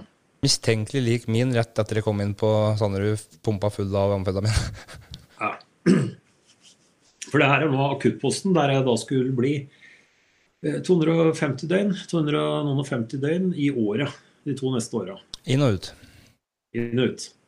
40 turer inn og ut på Sanderud. Mm. Ti til på Reinsvoll. De opplevde det helt annerledes. Det er en vanlig historie. Mm. På den planen her så fikk jeg Jeg klarte ikke å lese helt vanlig ark med maskinskrift. Så de skrev ut de viktigste tingene på et um, A4-ark med linjer. Og her står det klokka 08 vekking, klokka 08.30 frokost, klokka 9 medisiner, klokka 11 lunsj, klokka 12 medisiner, klokka 14.30 middag, klokka 15 medisiner, klokka 18 medisiner, klokka 18.30 kveldsmat, og 19.15 så er det en samtale på et kvarter. Og klokka 20 så er det medisiner, og det er innlevering av PC eller Mac eller telefon om jeg hadde tilgang på det klokka 21, og klokka 22 så var det en ny runde med medisiner. De medisinene Nå har vi blitt litt i videregående klassen her. For nå har vi fått prøvd ut litt forskjellige antipsykotiske tillegg. Og da tok bare hallusinasjonene en annen retning. Og det var på grunn av at de trodde du var schizofren. Yes. Ingen så connection mellom at du hadde flere typer medisiner. Ingenting ble på en måte tatt tak i eller oppsummert før de gikk videre inntil neste nei, Nei. Så grunnmedisineringa her er solid med, med amfetamin i bånn. Ja. Og litt av og på. Og så for har jeg tatt også Jeg har spart på et par av de arka her og tatt noen bilder av dem. Så de tror fremdeles at jeg er enten bipolar eller schizofren, og jeg har fått eh, litium, 83 mg ganger to tabletter to ganger daglig. Og, de, og, og, du, og da, jeg får deg på klare, du, du får da altså de andre tre typene legeamfetamin inne på Nei, det, avdelingen? slutt, det slutta med når jeg kom inn dit. Ok, så det har vært blitt tatt bort. Ja, Nå er vi over på metamin. nå. Den er dobbelt så potent som uh, Ritalinen. Ja, så du, så du bare satte deg rett over på en annen? Selvfølgelig. Ja, mm, bare så jeg var klar i at det, liksom. Mm. for den, den er reinere, da. Så det er kanskje det de alltid burde starte med. Ja, jeg likte, ikke- jeg likte ikke den, for den ga meg ingenting. Han bare fiksa huet mitt, og så fikk jeg ingen følelse av rus eller noen ting. Sånn at jeg syns den var litt kjip, jeg. Du tok for lite av den. Du skal høre nå hvor mye du trenger å ta. Oi, ok.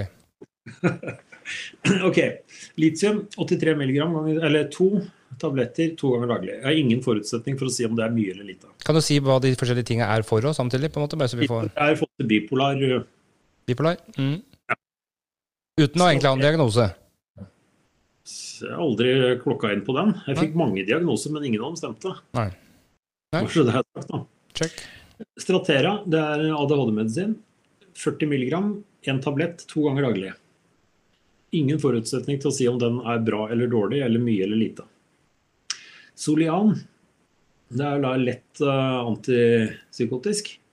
200 mg, én tablett morgen, to tabletter kveld. Eh, om det er mye eller lite, jeg ikke. Men jeg vet at nå har vi tre forskjellige typer her, som virker på tre forskjellige ting. Ja.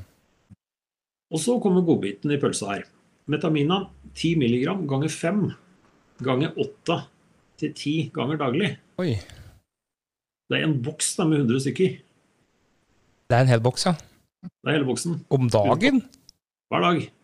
Du kødder nå. Nei, nei, nei. Fikk du det? Jepp. Jeg snakka om at jeg ble skrevet ut med en bærepose.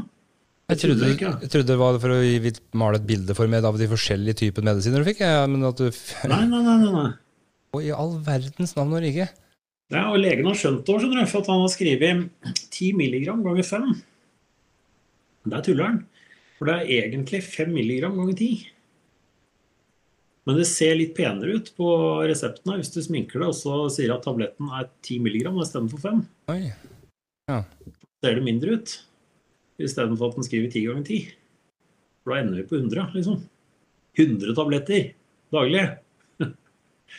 Nei, jeg, har, jeg har ikke ord, det, jeg. får, det får den mest liberale lege til å steile. Ja, det, ja, ja, jeg, jeg kan ikke ja, mm. jeg, jeg hører hva du sier, men jeg kan ikke forstå det. Uh, også, ja. Men jeg begynner jo da å få en veldig klarere bilde av hvorfor du havna der du havna, når, du, når jeg kjenner resten av historia, for å si det sånn. Ja, for at eh, nå begynner jeg å snakke her, for nå, nå er det liksom, nå er jeg jo avhengig Mm. av metaminabiten. Da kan vi snakke om traumeenergi og alt mulig sånne ting. For at uh, uten så rakna jeg fullstendig. Og med så rakna jeg for så vidt, men rakna på en annen måte. Men når du sier rakna fullstendig, altså har du, har du egentlig fått noe pusterom hvor du har hatt så lenge uten noe medisiner her, så du fikk et, liksom et klart bilde av det? Det er jo bare over på mer og andre medisiner hele veien? Over på andre og nye ting hele tida. Og nye leger, ikke minst. Ja. Inntil det ble lagt inn sånn uregelmessig annenhver uke. Hvor lang tid tok det fra du gikk inn på Sanderud der, før du gikk ut med den bæreposen? Halvt år. Halvt år. Da er du passe avhengig altså, når du slipper ut igjen. Ja, og I løpet av det halvåret der så hadde jeg mista både bolig og familie og, og hele biten. her. Liksom, mamma og pappa var jo der, liksom, alt ting, men alt hadde rakna. Alt hadde rakna. Og jeg hadde ikke gjeld utover studielån f.eks. før de greiene starta. Og hadde bil og førerkort. Hadde alt på noenlunde på stell. Bil og førerkort hadde jeg enda, bare så det er klart. At, eh, nå begynner moroa. For Det som skjer nå, det er at jeg ble skrevet ut igjen etter tre uker. Og så da er det tilbake til gården, og så klarer jeg selvfølgelig ikke å bo der lenger alene på egen hånd. Så den ryker. Mor må ta over igjen den biten. Jeg klarer ikke det, så vi må leie ut til noen andre. Jeg har da ikke noe bolig. Og jeg skjønner at jeg fikk, Mamma sa at jeg kan jo bo hos hun. Men eh, hun reiste jo ut så fort jeg kom tilbake, så for skjønte at her kommer aldri til å gå. Det var jo på stadiet at eh, når vi snakker om de Noia-grensene du snakka om, at du står og glaner på naboen eller ut sånne ting. Jeg var jo der hele tida i over to år. Mm. Hver dag. Og man tar noen eksempler her, da. Bare så folk liksom ser og hører nivået av ting. Jeg var livredd. Sånn seriøst livredd. Og jeg var ikke sikker på om det var noen som skulle ta meg. Eller om det var verden. Eller hva jeg var redd. Mm. Det var den ene sida, om dødsangst. Og den andre var at jeg opplevde en følelse av eufori parallelt. da. Det var bare det ble blanda sammen, så var det liksom umulig å vite hvilken av dem jeg så nå etter at jeg blunka. Var det litt sånn at det var eufori, eufori å få tatt de medisinene du skulle, for da visste du at du hadde et lite, lite øyeblikksvindu hvor du følte på den derre åh, det var dette her jeg trengte, og så gikk liksom alt over i fullstendig frykt, kaos, angst og noia, liksom? Nei, det er altfor rasjonelt. Å ja, ok.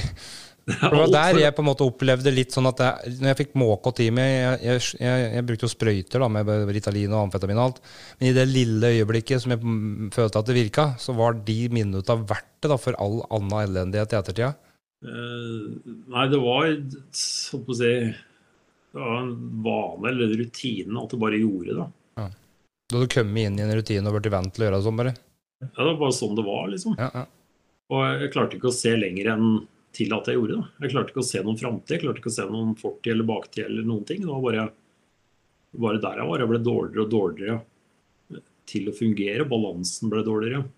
Mm. Leseevnen forsvant. Eh, Forståelsen var helt borte.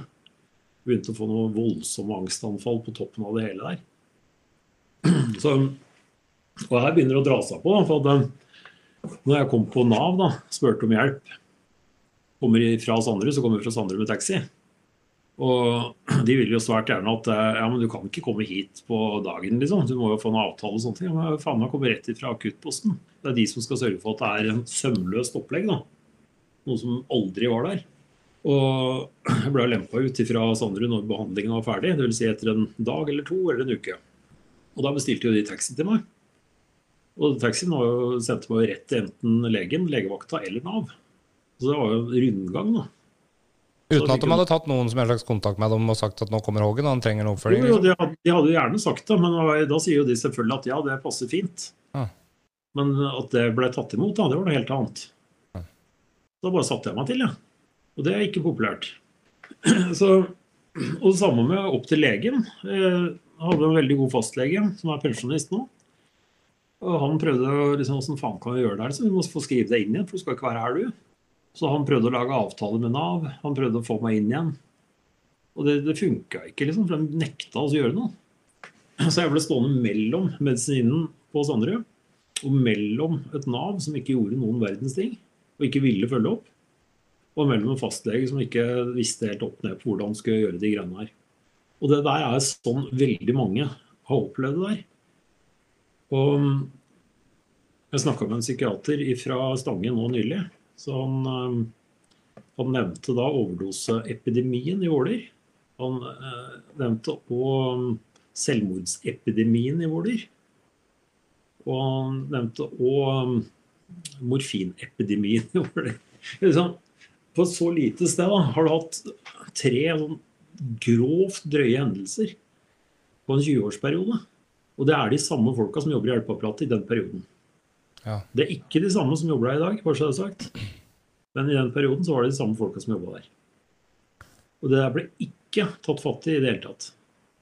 Så det greiene der trodde jeg rett inn i, og jeg ble da veldig glad i de medisinene som jeg tok de.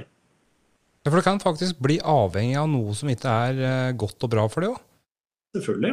Altså, for at du, du blir vant til det. Hjem- Hjemmebrent var jo ikke, godt første gangen jeg brakte det der, men jeg ble veldig vant til det. Samme med rus og samme med alt det andre, egentlig. Jeg ble vant til det. Og gjorde det på impuls, nesten mer enn behov. Selvfølgelig. Og så Jeg skjønte ikke hvor dårlig jeg egentlig var. Når, liksom, når du Jeg vente meg til å ha hallusinasjoner.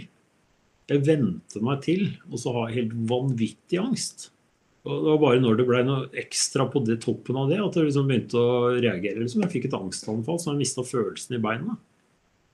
Jeg var hos mor mi, og så var hun borte, så jeg lå på gjesterommet. Og så var det et eller annet jeg skulle bevege meg noe sted, og så så jeg at jeg liksom, merka at jeg klarer ikke å gå ordentlig. Og jeg kjente at det begynner å bli gelé i beina. Og så kjenner jeg en kjempeklo rundt brystet. Jeg var sikker på at nå får jeg hjerteinfarkt.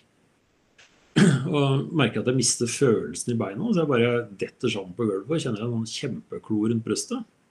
Og så kjenner jeg at den kloa fortsetter opp til halsen og ikke får puste. Og så kjenner jeg at jeg blir helt kald. At jeg liksom Hva faen er det her for noe? Det ble ikke, angsten var så voldsom at den slutta å bry meg, egentlig. Mm. Det, det, liksom, det fikk ikke noe panikk av det mer enn det jeg allerede hadde. Det var mer kroppslig. Det liksom, ok, er det sånn å dø? Ok, for jeg bare ligger der? Jeg kan ikke bevege meg likevel. Liksom, få se hva som skjer. da. Det er liksom helt vilt, da. Og jeg vil også gjerne bare si at er de folka som nå sitter og tenker at du er det ekstreme tilfellet, da, eh, som, som på en måte Dette her skjer jo ingen andre. Eh, Så har de jo delvis òg rett i det. At det det, du har vel kanskje rekorden i, i ytterste grenseland. Men det som har skjedd gjennom hele historien her, det kan skje deg om du kun har angst uten et rusproblem. Og du kommer inn i, i den der systemet der. Du trenger ikke ha en rusutfordring eller en medis feilmedisinering for å oppleve dette. her. Du kan ha angst, uro, livredd, frykt. altså Du kan ta med og, og gå i et hjelpeapparatet her og gå over på medisiner som gjør det enda verre. Helt klart. Jeg hadde tre, kanskje fire sånne. I hvert fall tre av dem som jeg husker veldig godt. Det var den der som var den første. Og så hadde jeg en til når jeg var eh, på, i taxi da, på vei til Sanderud på innleggelse. Ja, Taxisjåføren fikk jo sjokk. Så han kjørte meg rett på legevakta på Elverum. Så ble jeg lagt inn, lagt inn på somat, eh, somat, eh, somatisk isteden, for også å få sjekka opp hvordan ting var og sånne ting. Jeg opplevde det som veldig positivt, ble godt behandla. De forklarte at det her er høyst sannsynlig angstanfall, for vi klarer ikke å finne noe på hjertet. Så var har elektroder og tråder over hele meg. da. Så bare det også bli møtt og ble forklart at det ikke var noe farlig, da. Det var kjempehjelp. Det var forresten tredje eller fjerde gangen. For andre gangen, den var inne på A2, var det på Tanderud. Og Da skjedde det i gangen. Jeg merka at jeg var i ferd med å miste følelsen i beina. Og jeg så at det var en oversykepleier som så meg. Og at jeg var i ferd med å rase sammen. Og dro meg inn på rommet. Og han kuken kom og slukka, lukka døra istedenfor å komme inn. Mm. Han håpa sannsynligvis at det var hjerteinfarkt, og at han slapp å se noe mer til meg. Så jeg dro meg bort til, um, til senga der. Og jeg er helt sikker på at nå er det kvelden igjen, for jeg hadde ikke akkurat vent meg til der. da. Så jeg klorte ned et par ord på et ark der om at jeg er glad i dere, barna mine. Pappa. Og så lå jeg der igjen, da. Det tok noen halvtime, eller sånt nå, så kom følelsen tilbake igjen. Eh, hva jeg tenkte, og at jeg kunne tenkt meg gjort med han eh, sykepleierfiguren, det skal jeg hoppe over å si. Men det er en god del folk som eh, går på andre sida av gata når jeg møter dem. Og det er ikke for at eh, jeg har veldig lyst til å klå dem, men for at de har ekstremt dårlig samvittighet, og de veit at jeg veit. For han er en av dem. Jeg har òg skrevet et par av breva der. Ja. Det som skjedde, det angstanfallet der, det gjorde at jeg mista følelsen i halve ansiktet.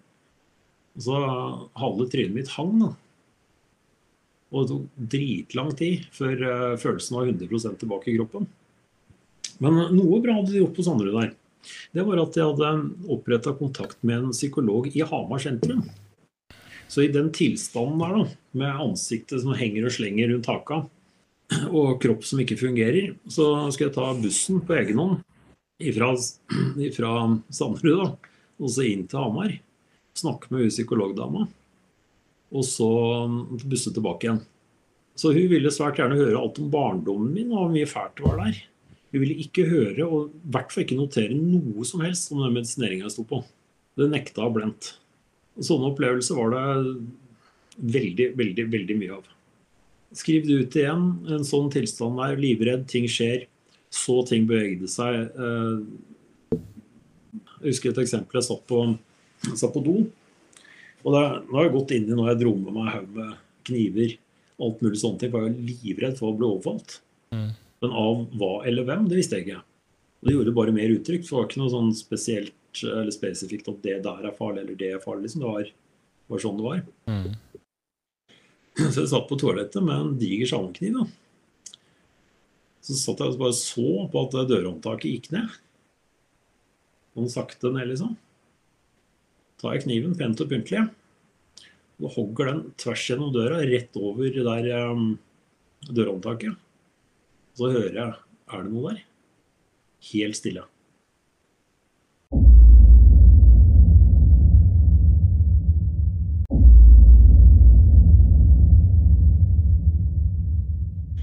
Kommer ut i gangen, så ser jeg der er det jo ingen.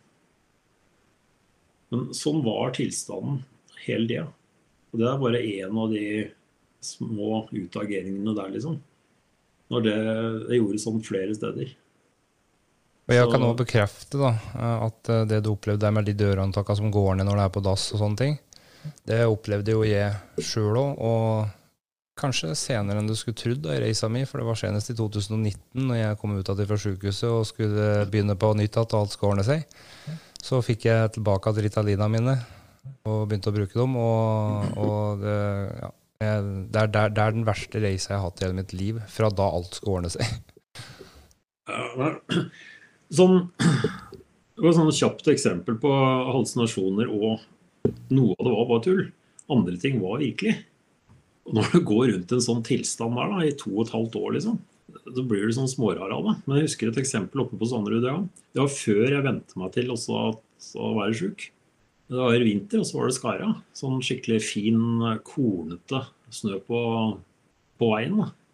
Inne på området der. Og så var det gatelys rundt. Veldig kort uh, fottur du kan gå inne på sånt område, da, for det er veldig lukka. på å si det sånn. Mm. Når jeg gikk, det var som å gå på popkorn som poppa.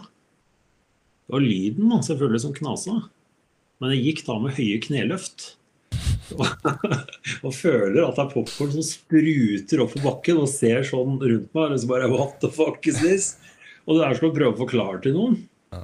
Selvfølgelig ingen som tror på. Men samtidig med at jeg forklarte det, så var det en annen ting som skjedde parallelt. Det var at hver eneste lyktestolpe jeg gikk under, så slokk lyset. På real, liksom? Eller på Fucking real. Okay. Og det har jeg opplevd flere ganger. Og jeg har opplevd andre som har opplevd det samme. Og dette her er de virkelige uh, tinga som skjer deg, som gjør at du tror at alt det andre òg er virkelig, føler jeg. Selvfølgelig. Ja, for at dette her bare bekrefter hva jeg har trodd først. Altså det, for at det her begynner ting å liksom Ok, nå vet jeg at alt jeg har opplevd, er et innbilning lenger. Det er den uh, erfaringa mi, i hvert fall. Så det der forklarer det er liksom Ja, men det stemmer jo ikke. Jeg skjønner jo det at det ikke er popkorn ute, jeg òg. Men jeg kan ikke bare kikke ut gjennom vinduet der, da. Det er mørkt. Hva faen det er det? Eh, der er det gatelys. Ja, men de er slukt. De skal ikke være det. Nei, de skal ikke være det. Så der begynner liksom mm. Det er ikke bra, for da begynner det også å mikse opp ting. Jeg begynte også å ta bilder av um, senga mi. Jeg begynte å ta bilder av alt jeg så rundt meg. Da. Noe sånn gammel Nokia et eller annet dritmye bilder. Det ble et par tusen bilder. Av de noen tusen bildene, så er det tre bilder som jeg ikke kan forklare. Resten, det er uh, tull. fine landskap og sånn som jeg klarte å redigere fram. og sånne ting, For jo mer jeg så, jo mer jeg så etter. Og jeg har hatt utstillinger fra, på flere biblioteker. Jeg har hatt utstilling på biblioteket i Tromsø annet, med. Flere puber og barer og kafeer i Oslo. Flere bibliotek rundt. På faen heter den da? Uh, musikkfestival i Elverum har jeg stilt det. Og bildene mine ble faktisk stjålet. Det er kult. Ikke alle, men det er alltid noen som stjeler ett eller to bilder. Tøft. Ja, jeg syns det. Ja, det er Det er for salg òg, i hvert det eller var. da. Ja. Men av de bildene så var det to eller tre som var noen lysfenomener og et eller annet som ligner på et vesen som jeg ikke klarer å forklare. Mm. Så jeg tror at det er litt mer enn det vi ser, men ikke på langt nær, sånn som det jeg opplevde i den perioden der. Vi skal ta med oss det vi på en måte kan uh, bruke til noe fornuftig, tenker jeg. Og så resten får vi tatt vare av kanskje over til uh, den fantasien vi har per i dag. Da, som skal si at det vi er villige til å se saken din, som kanskje er der vi har vært, på en helt annen måte enn det noen andre helsepersonell eller fagpersoner i dette landet klarer å fatte og begripe. Så, på en måte. For det er vel mange som vil kjenne seg igjen i mye av det vi prater på her, tror jeg. Og så er det noen som, noen som ikke kommer til å forstå det i det hele tatt. Sikkert. Og så deler av det sånn som Nå skriv det ut, da.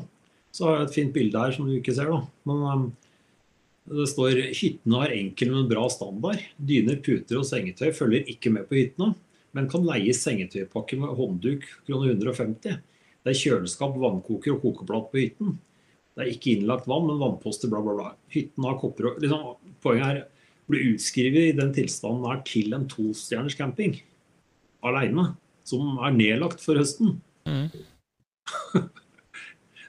Eller på neste her, som er um, på Haslemoen, nedlagt militærleir. Jeg havna på villmarksporten mellom Løten og Elverum.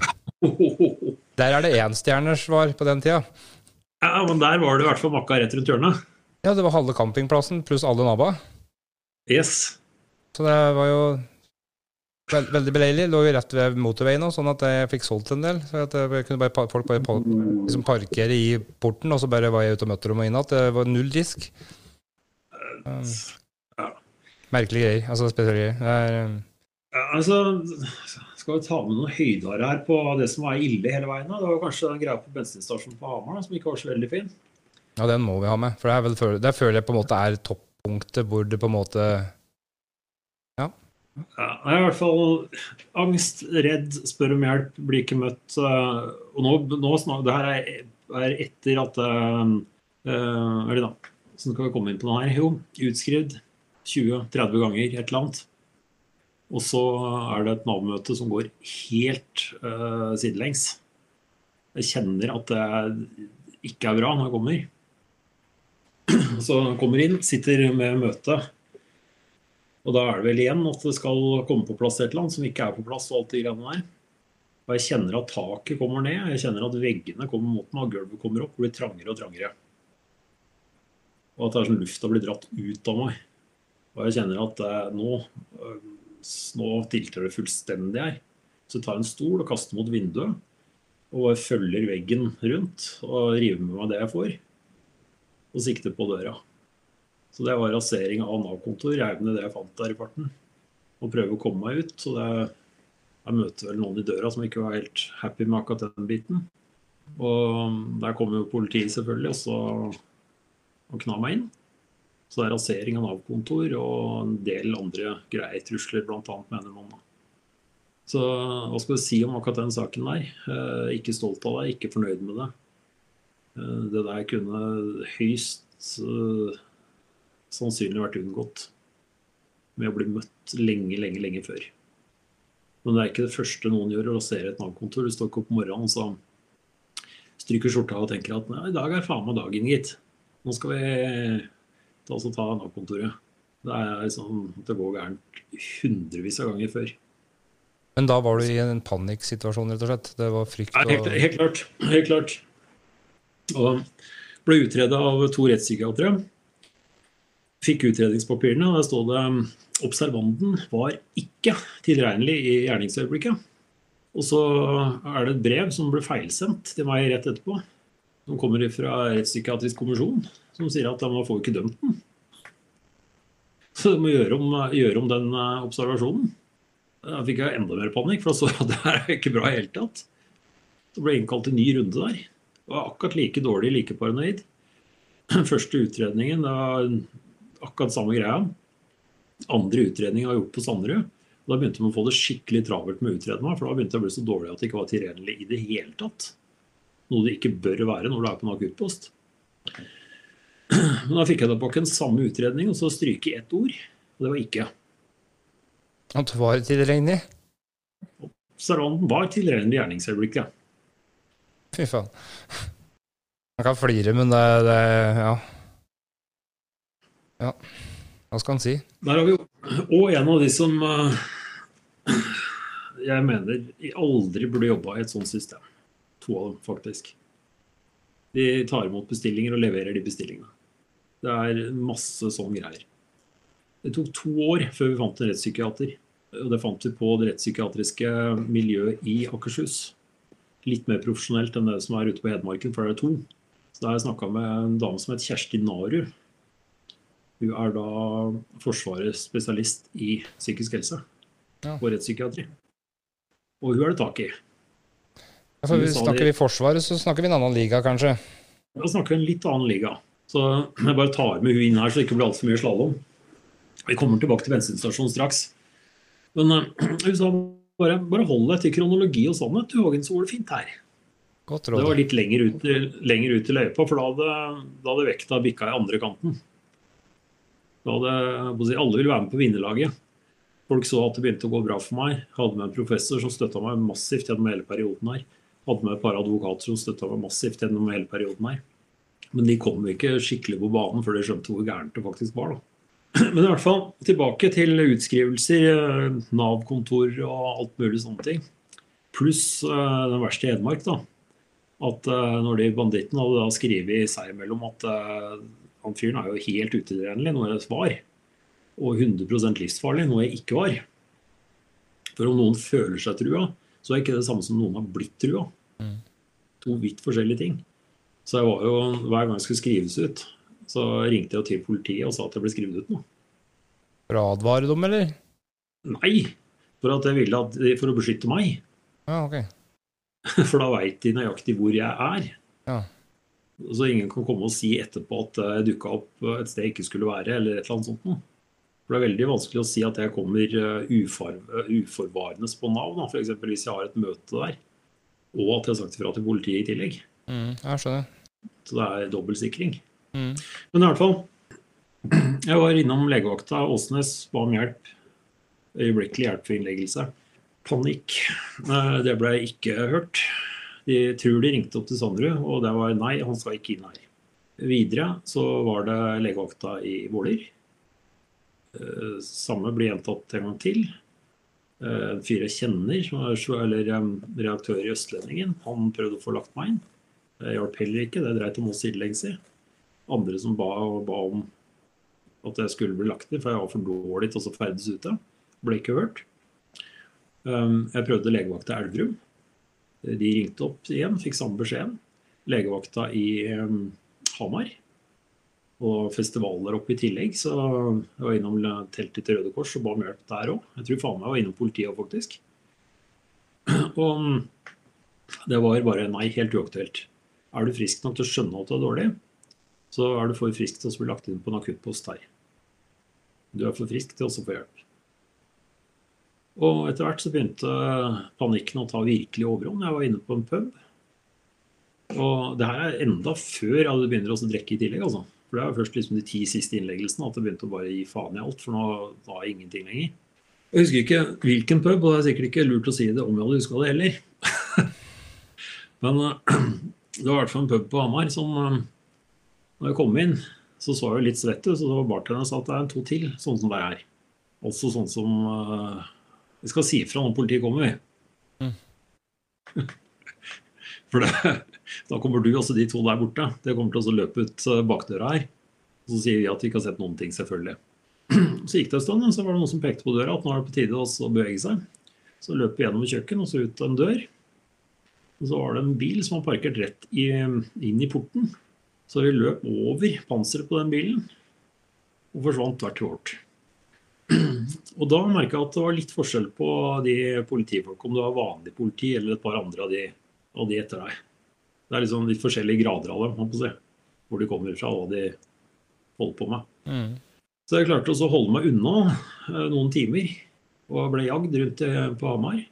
Og jeg vet ikke om jeg ga opp, eller bare nå er det helt kjørt der, så nå har jeg ikke lenger noe mer å gå på. Kom meg ned på en bensinstasjon som er foran ble EPA, blir ikke det? Statoil Vangsvegen, eller? Ja, noe sånt noe. Der nede, rett før du kommer inn til Hamar. CC ble det. CC var det. Ja, da er det Statoil Vangsvegen, eller ja, Ja, noe sånt noe. Så jeg dynker meg sjøl med bensin, og dynker masse bensin utover der. Og så skal det fyre på, og da er rødflekken på meg, og så er det en, eh, en eh, innsatsleder som eh, tar en liten prat med Roperten om at kanskje skal ta en liten prat før vi, vi gjør det ene eller andre her, liksom. For Når du sier rødflekken, så står de da sikte på deg med lasersikte og skarpladet våpen for at du har helt, helt bensin over deg og står klar til å fyre opp. Jepp. Hva, hva var det du følte da? Hva tenkte du da? Hva var det som fløy gjennom huet ditt her da? Beyond, beyond tenking og sånne ting. Men de bare pakker meg sammen og får på meg noen ulltepper og av med en del klær og sånne ting, og så prøver å få meg inn på Sanderud. Eh, han fyren, innsatslederen der, han jeg, hadde i hvert fall god erfaring med før. Og jeg husker han fra tidligere, hvor han sa inne på Sanderud en gang at eh, hvis han ikke blir skrevet inn nå, så anmelder jeg det. Ikke meg, da, som er legen. Han, han har ikke noe ute å gjøre i samfunnet, han skal inn. Men uh, den gangen der så skjedde det ikke. Så da ble De tok ikke imot meg. Så da ble jeg en ny runde på glattcelle isteden. Og så jeg ble skrevet ut fra glattcella et døgn etterpå der med en fengselslånt underbukse og så en 7-Eleven T-skjorte. Som hun fikk lånt derfra. Og da snakker vi vel høsten 2007, tenker jeg. Eh, åtte ble det vel. Et eller annet der. Og der hadde jeg i hvert fall ti, sannsynligvis tolv, under 15, men i hvert fall over ti ganger på glattcella på én måned. Fra midten av august til midten av september. Så sånn, sånne baluba-greier der var det stort sett hele tida på slutten der. Hadde du da hatt noen runder eh, med Du har jo hatt noen eh, mindre positive opplevelser med politiet òg, liksom. Kom det før eller etter dette? Eller var de Nei, det før? var, det var innblanda hele tida. Liksom. Det Det var, var episoder som skjedde innimellom, liksom? Med ja, det var henting, stort sett. da. At eh, jeg var observert noe sted og så at eh, det er, kan ikke være sånn ute i samfunnet. Du klarer ikke å ta vare på deg sjøl. Og at eh, jeg ikke syntes det var noe særlig ålreit å bli knadd og ja, knadd da, skikkelig. Og satt meg til motverge og de greiene der. Men som igjen da kanskje ikke var forstått at det var frykt, da, men at det var, de trodde det var ren motverge, mens du i huet ditt var panikk, liksom. Ja, det var panikk hver gang. Mm. Enten, pan enten panikk eller apati. Og begge deler, både apatien, den kunne fint gå over i panikk med å bli slått litt. Ja. Ja, for du ble jo slått. Du ble jo håndtert. Du, du ble, eh, ja, vi kan jo si rett ut, du fikk juling. Det har jeg opplevd. Mm. Og jeg har også opplevd å bli godt ivaretatt og mottatt av de folka, også, bare så det er sagt. Mm. Og jeg har bedre erfaring med de utenbygds enn innbygds. Ja, merkelig nok, jeg òg. Jeg tror mange av dem ble mobba da de var små på skolen. En del av det. Ja, no, noe, noe må ha skjedd. Men, ja. men eh, det skal også sies da at eh, de i Oslo de prata jo med meg som et menneske og, og var ikke så nøye på det, liksom. Og tålte å få fingeren hvis de var ufine først. Mens eh, oppi her så var det så mye galt du skulle vifte med nevene før du var på en måte pågripelse og ransakningsgrunnlag. Jeg husker du sa det i det intervjuet du ga med han, eh, eller den andre podkasten med han fyren. At jeg tenkte det der har jeg opplevd òg. Det var eh, eh, Politiet ble oppringt om at jeg var et sted, og så skulle jeg hentes og bringes inn. Jeg skjønte at det blir det henting og innbringing uansett, så, så jeg gjorde meg klar, da. Det vil si at jeg la fram alt som kunne være i lommene som kunne være spist og langt og hardt og tungt. Sånn at det ikke skulle være noen grunn til noe tull. Og så Så kom jeg ut, da. Og der sto det jo seks stykker av dem. Og Jeg regner med faen, det her blir ikke bra i hele tatt, for det er sånn som jeg er vant til fra før, så blir det en liten runde med juling og knaing. Jeg må passe på at det ikke blir kvalt. jeg må passe på sånn og sånn og sånn. Men isteden så lurer du på åssen er det med deg? Det er ikke helt bra, nei. Det er bare vått. Nei, det er ikke helt fint. Jeg ser det, du ser litt på tuppa ut. Du kan altså gjøre det sånn at du holder hendene dine sånn til jeg ser dem. da. Ikke tar dem på ryggen, ikke noe i lomma, men hold hendene sånn at jeg ser dem. Så dropper vi håndjern på denne turen her. Så skal vi kjøre ned på legevakta en tur. Og så ble det gjort. Helt fredelig. Mm. Et par-tre sånne runder hadde jeg med dem. Men det var noe helt annet i forhold til de slemme fetterne deres oppe fra bygda, som knadde på håndjern med sykkelkjede imellom, blant annet, hvis du har sett de. Ikke med den fine lenka, Ja, ja. for da, har det sleng på dem, liksom. Men har du den sykkelfanen her, så er det stivt, og det gnager som helvete. Mm. Få på de der. Også litt slalåmkjøring i baksetet på bilen. Ja, den slalåmkjøringa, den, den, den kjenner vi veldig godt igjen i, når du på en måte da blir lagt på magen baki der, for at eh, du er bunta på bein og armer. Mhm. Uh, og, um, og, da, og da eneste jeg hadde gjort da, var egentlig var utagerende verbalt, for at jeg var frustrert, sint, eh, oppgitt. Altså, jeg, jeg, jeg prøvde å altså, jeg, jeg hadde nok en måte å uttrykke meg på som Jeg, var helt Jeg var frustrert. Ikke voldelig. Spurte om du kunne være så snill å la være å drive og ta til meg og bryte armene mine, og bare var så snill og bare Ja, jeg kan bli med, men, men, eh, men bare hør på meg nå, liksom. Eh, Hvor det bare var å spenne beina unna der, ned på bakken og eh, kvelertak og hender og, hender og bein bak. Og så tok, så tok de tak i meg, og så bare slengte de meg inn i, i marja bak. Og så smelte han igjen døra over tærne mine, og så bare Å, faen. Da ble han irritert for han ikke fikk av døra, så da bare løfta han opp beina mine, og så bare bang, smelte han igjen døra.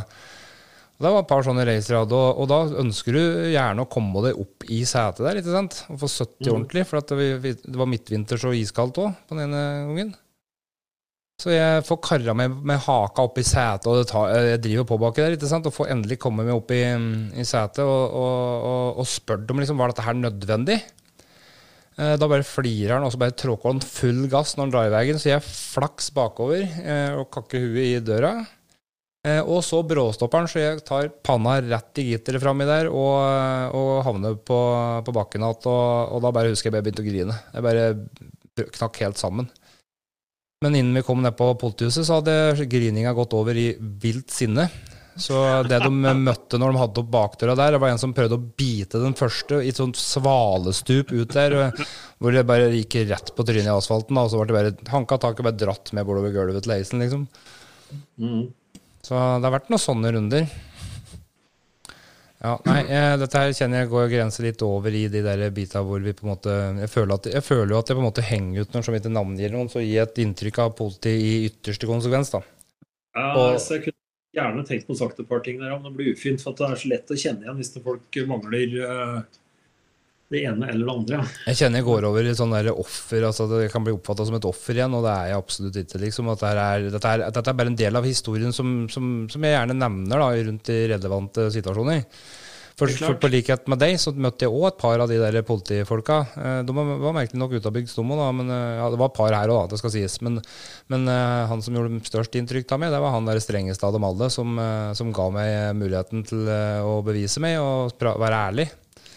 Eh, og prøvde å liksom spørre meg rett ut og prøve, altså få meg til å blåse noen, da, rett og slett.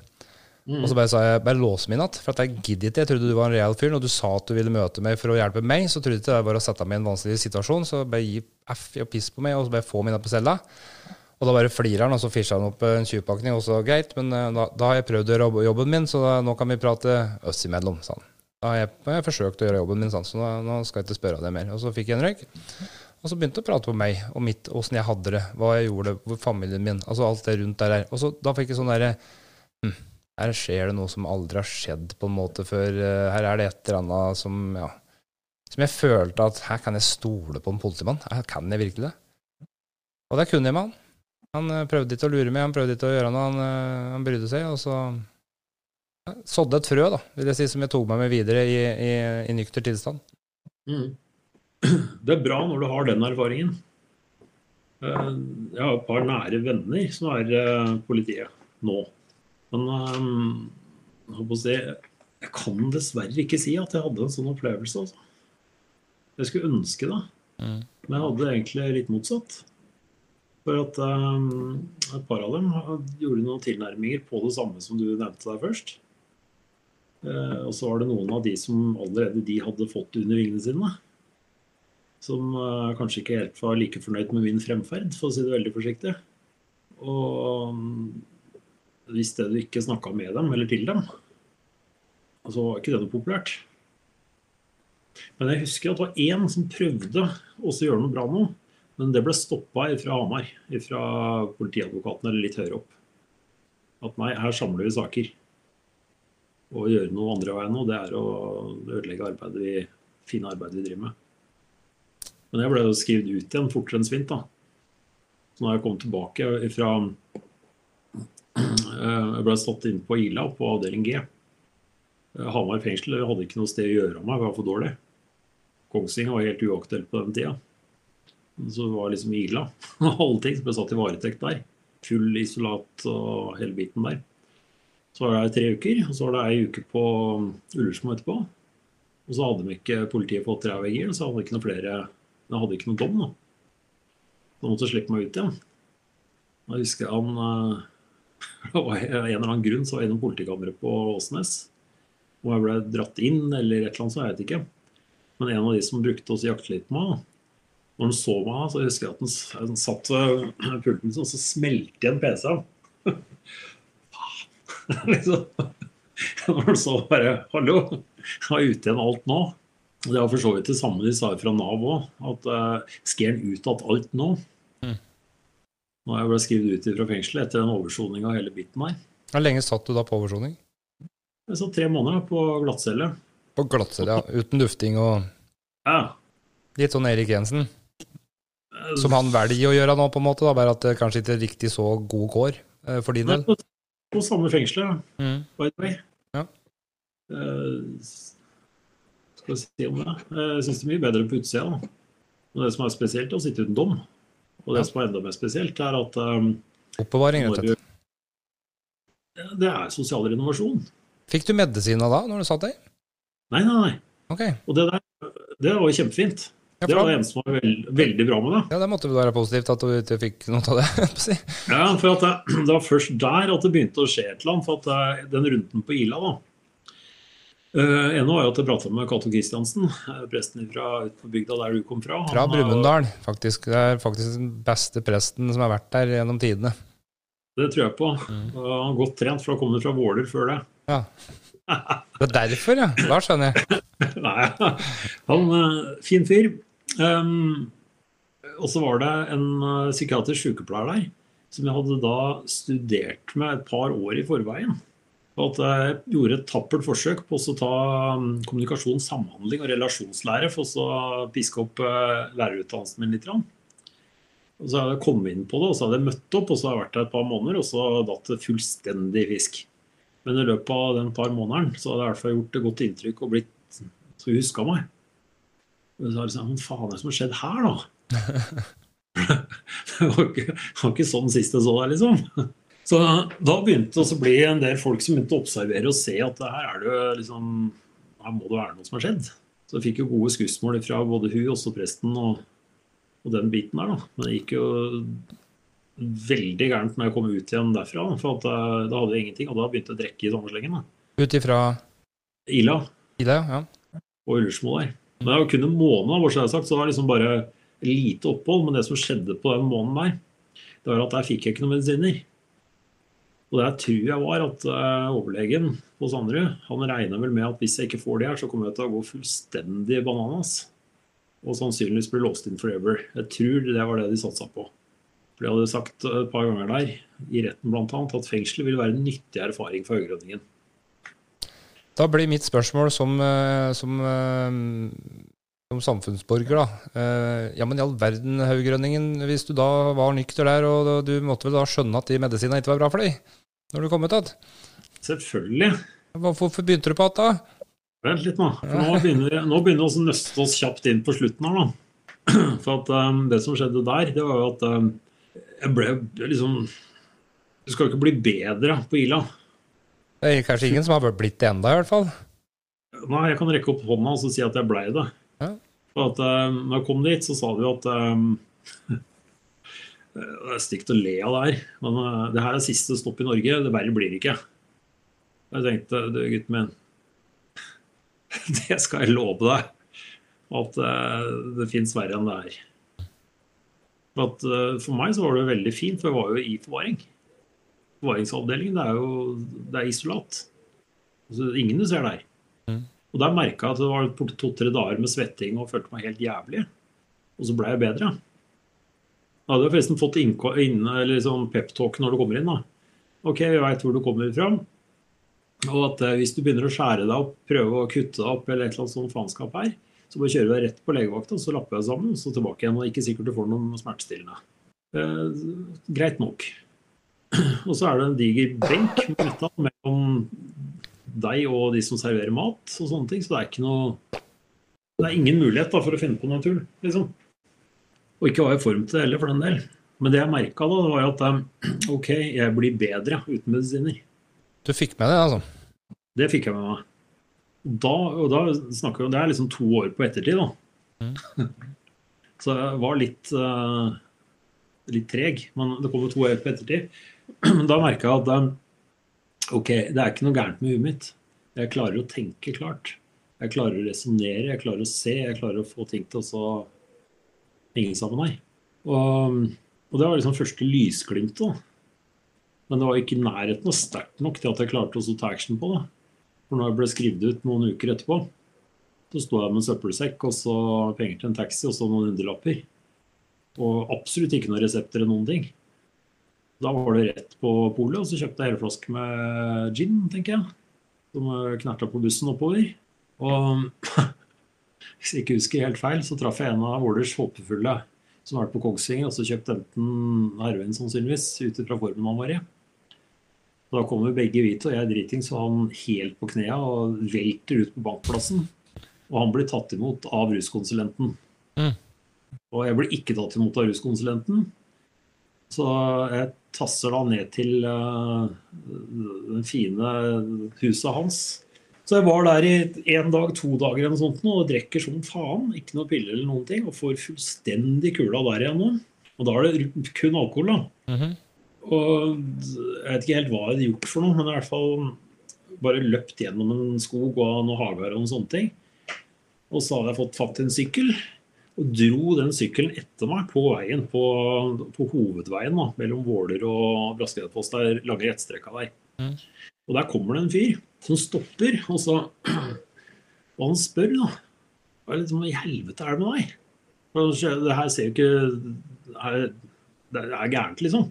Så han bare knadde meg inn i baksetet og så kjørte meg rett på legevakta og sa at han her, han skal legges inn.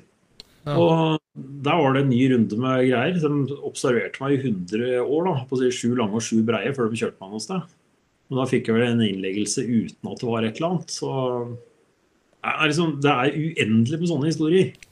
Hvor gammel var du da cirka? Nei, det er samme året, liksom. For det her er to år som er hver dag. Er. Ja. Og fikk masse Haldol på Sanderud en gang. Og så ble det skrevet når jeg skulle i møte med kommunen. Fikk masse? Haldol. Haldol, hva er det? Um, hvis du ikke har tatt det, så har du ingenting å sammenligne med. Nei. Du blir ikke smart av det, for å si det sånn. Du blir ekstremt treg. Okay.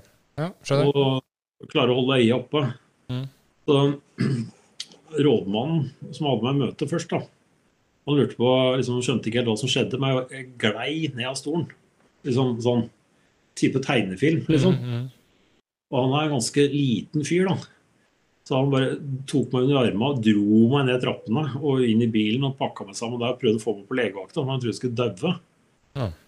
Og jeg skjønte ikke hva som skjedde, for jeg visste ikke hvor mye Aldol jeg har fått.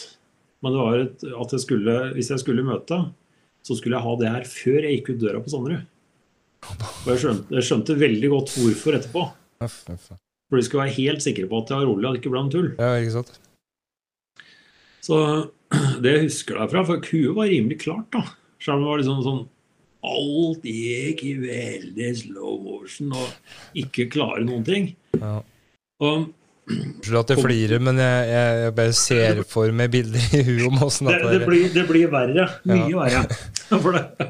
Men nå er vi inne i det her at liksom, det her er så bad at det er liksom til å liksom, Skal vi le eller grine og skjer sånne ting? Ja. Og jeg kan love at det skjer. På den, inntil legevakta, da, da vil jo de selvfølgelig prøve å få dokumentert at de har tatt noe illegitimt rus. da.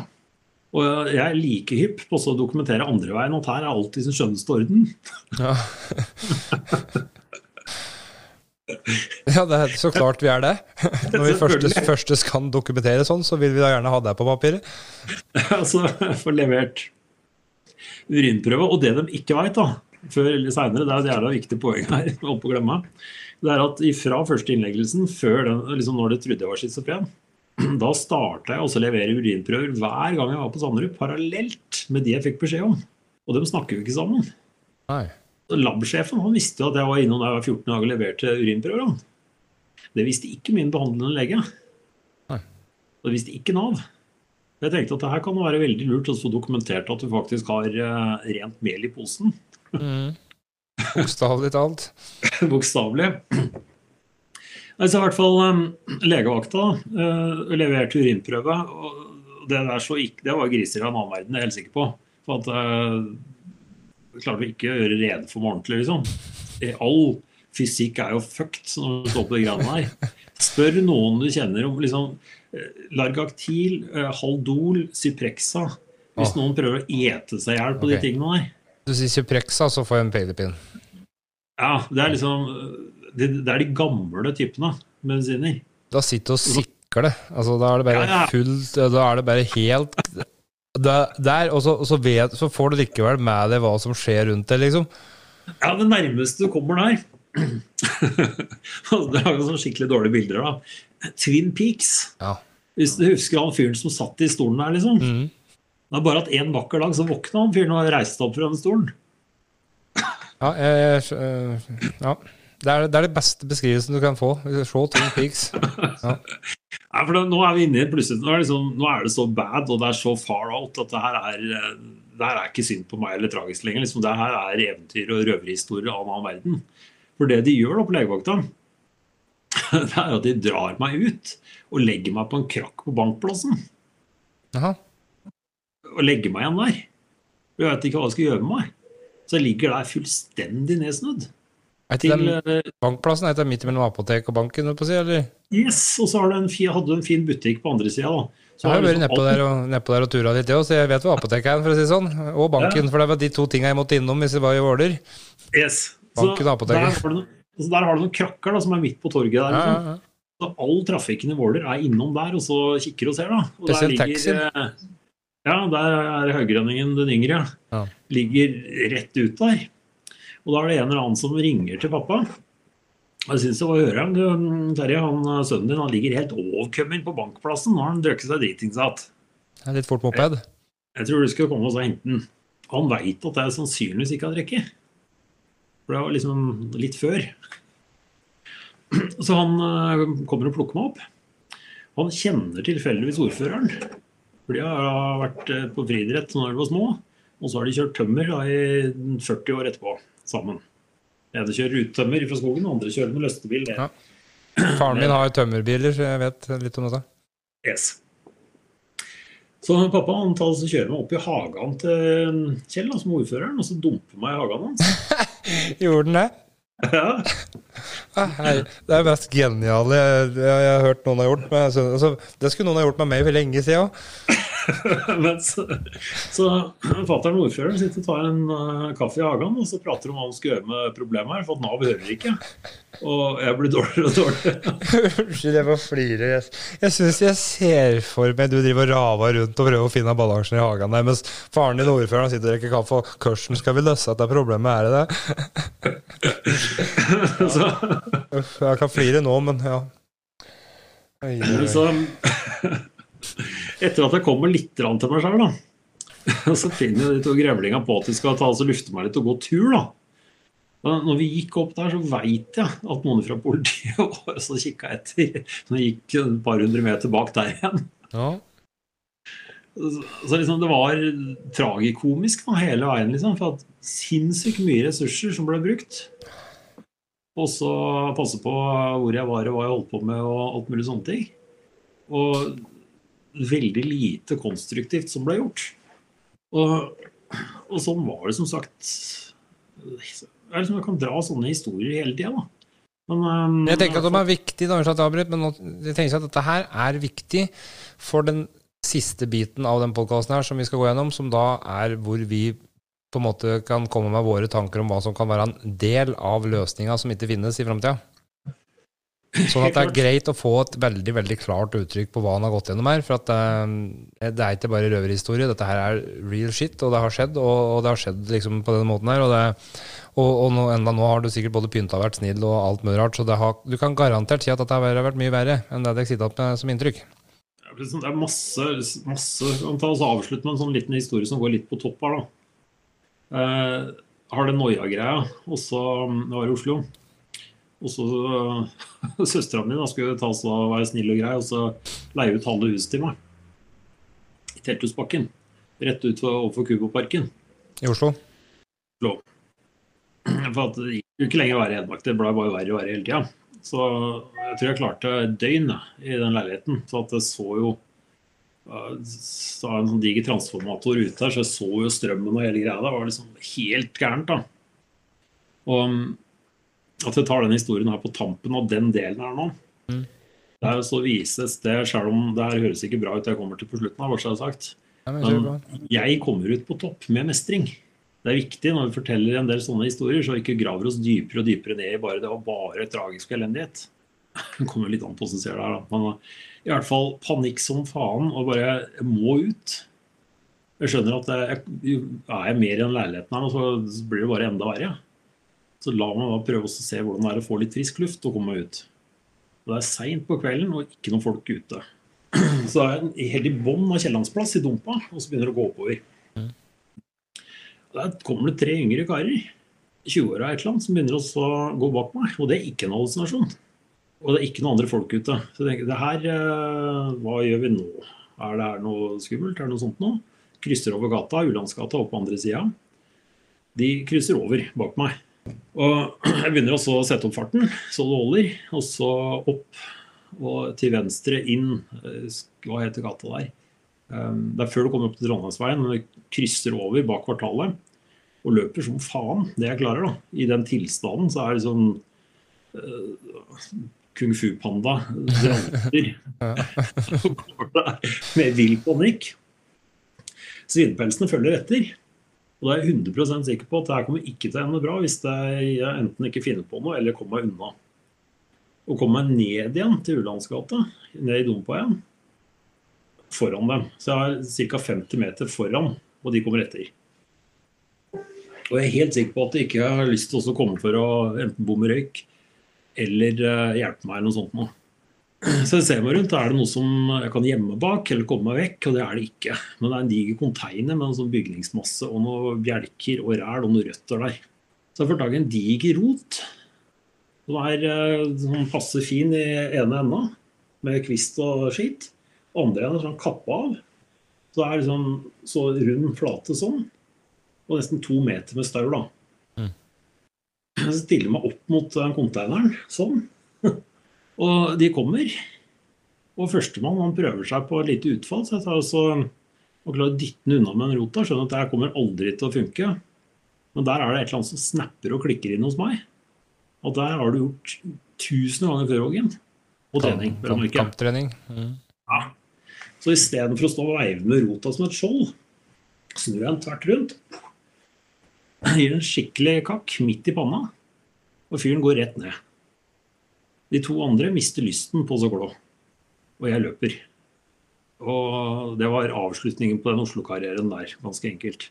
Liksom, jeg kunne velge Skal jeg, skal jeg fortelle den biten? Ja, egentlig. For jeg, jeg, kunne ha fortalt om alle de gangene hvor jeg ikke mestra.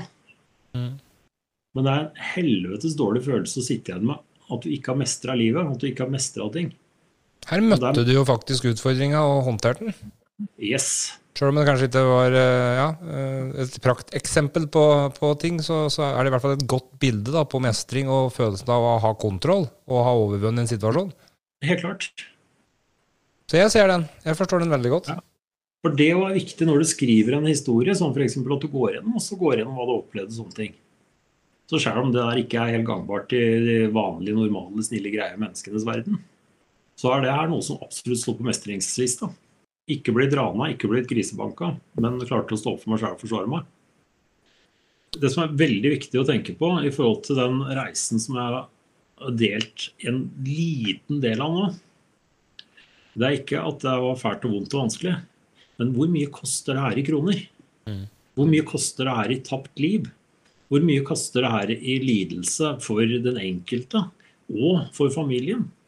Og ikke minst, hvor mye koster det her i tapte skattekroner for staten? For at eh, en gjennomsnittlig drop-out i Norge, den koster 3 millioner kroner i året. Den prisen på meg på hvert av de årene som jeg var utafor her, det er tosifra millionbeløp. Og her snakker vi ikke om vinningskriminalitet og alt mulig sånn i tillegg, som veldig mange andre har. Her snakker vi om den som eh, ikke var i stand til å ta vare på seg sjøl og trengte helsehjelp. Så jeg tenker at en realitetsorientering det er det første steget. Mm. Det er det aller, aller første som må på plass. Sånn at vi begynner også å stille de riktige spørsmålene.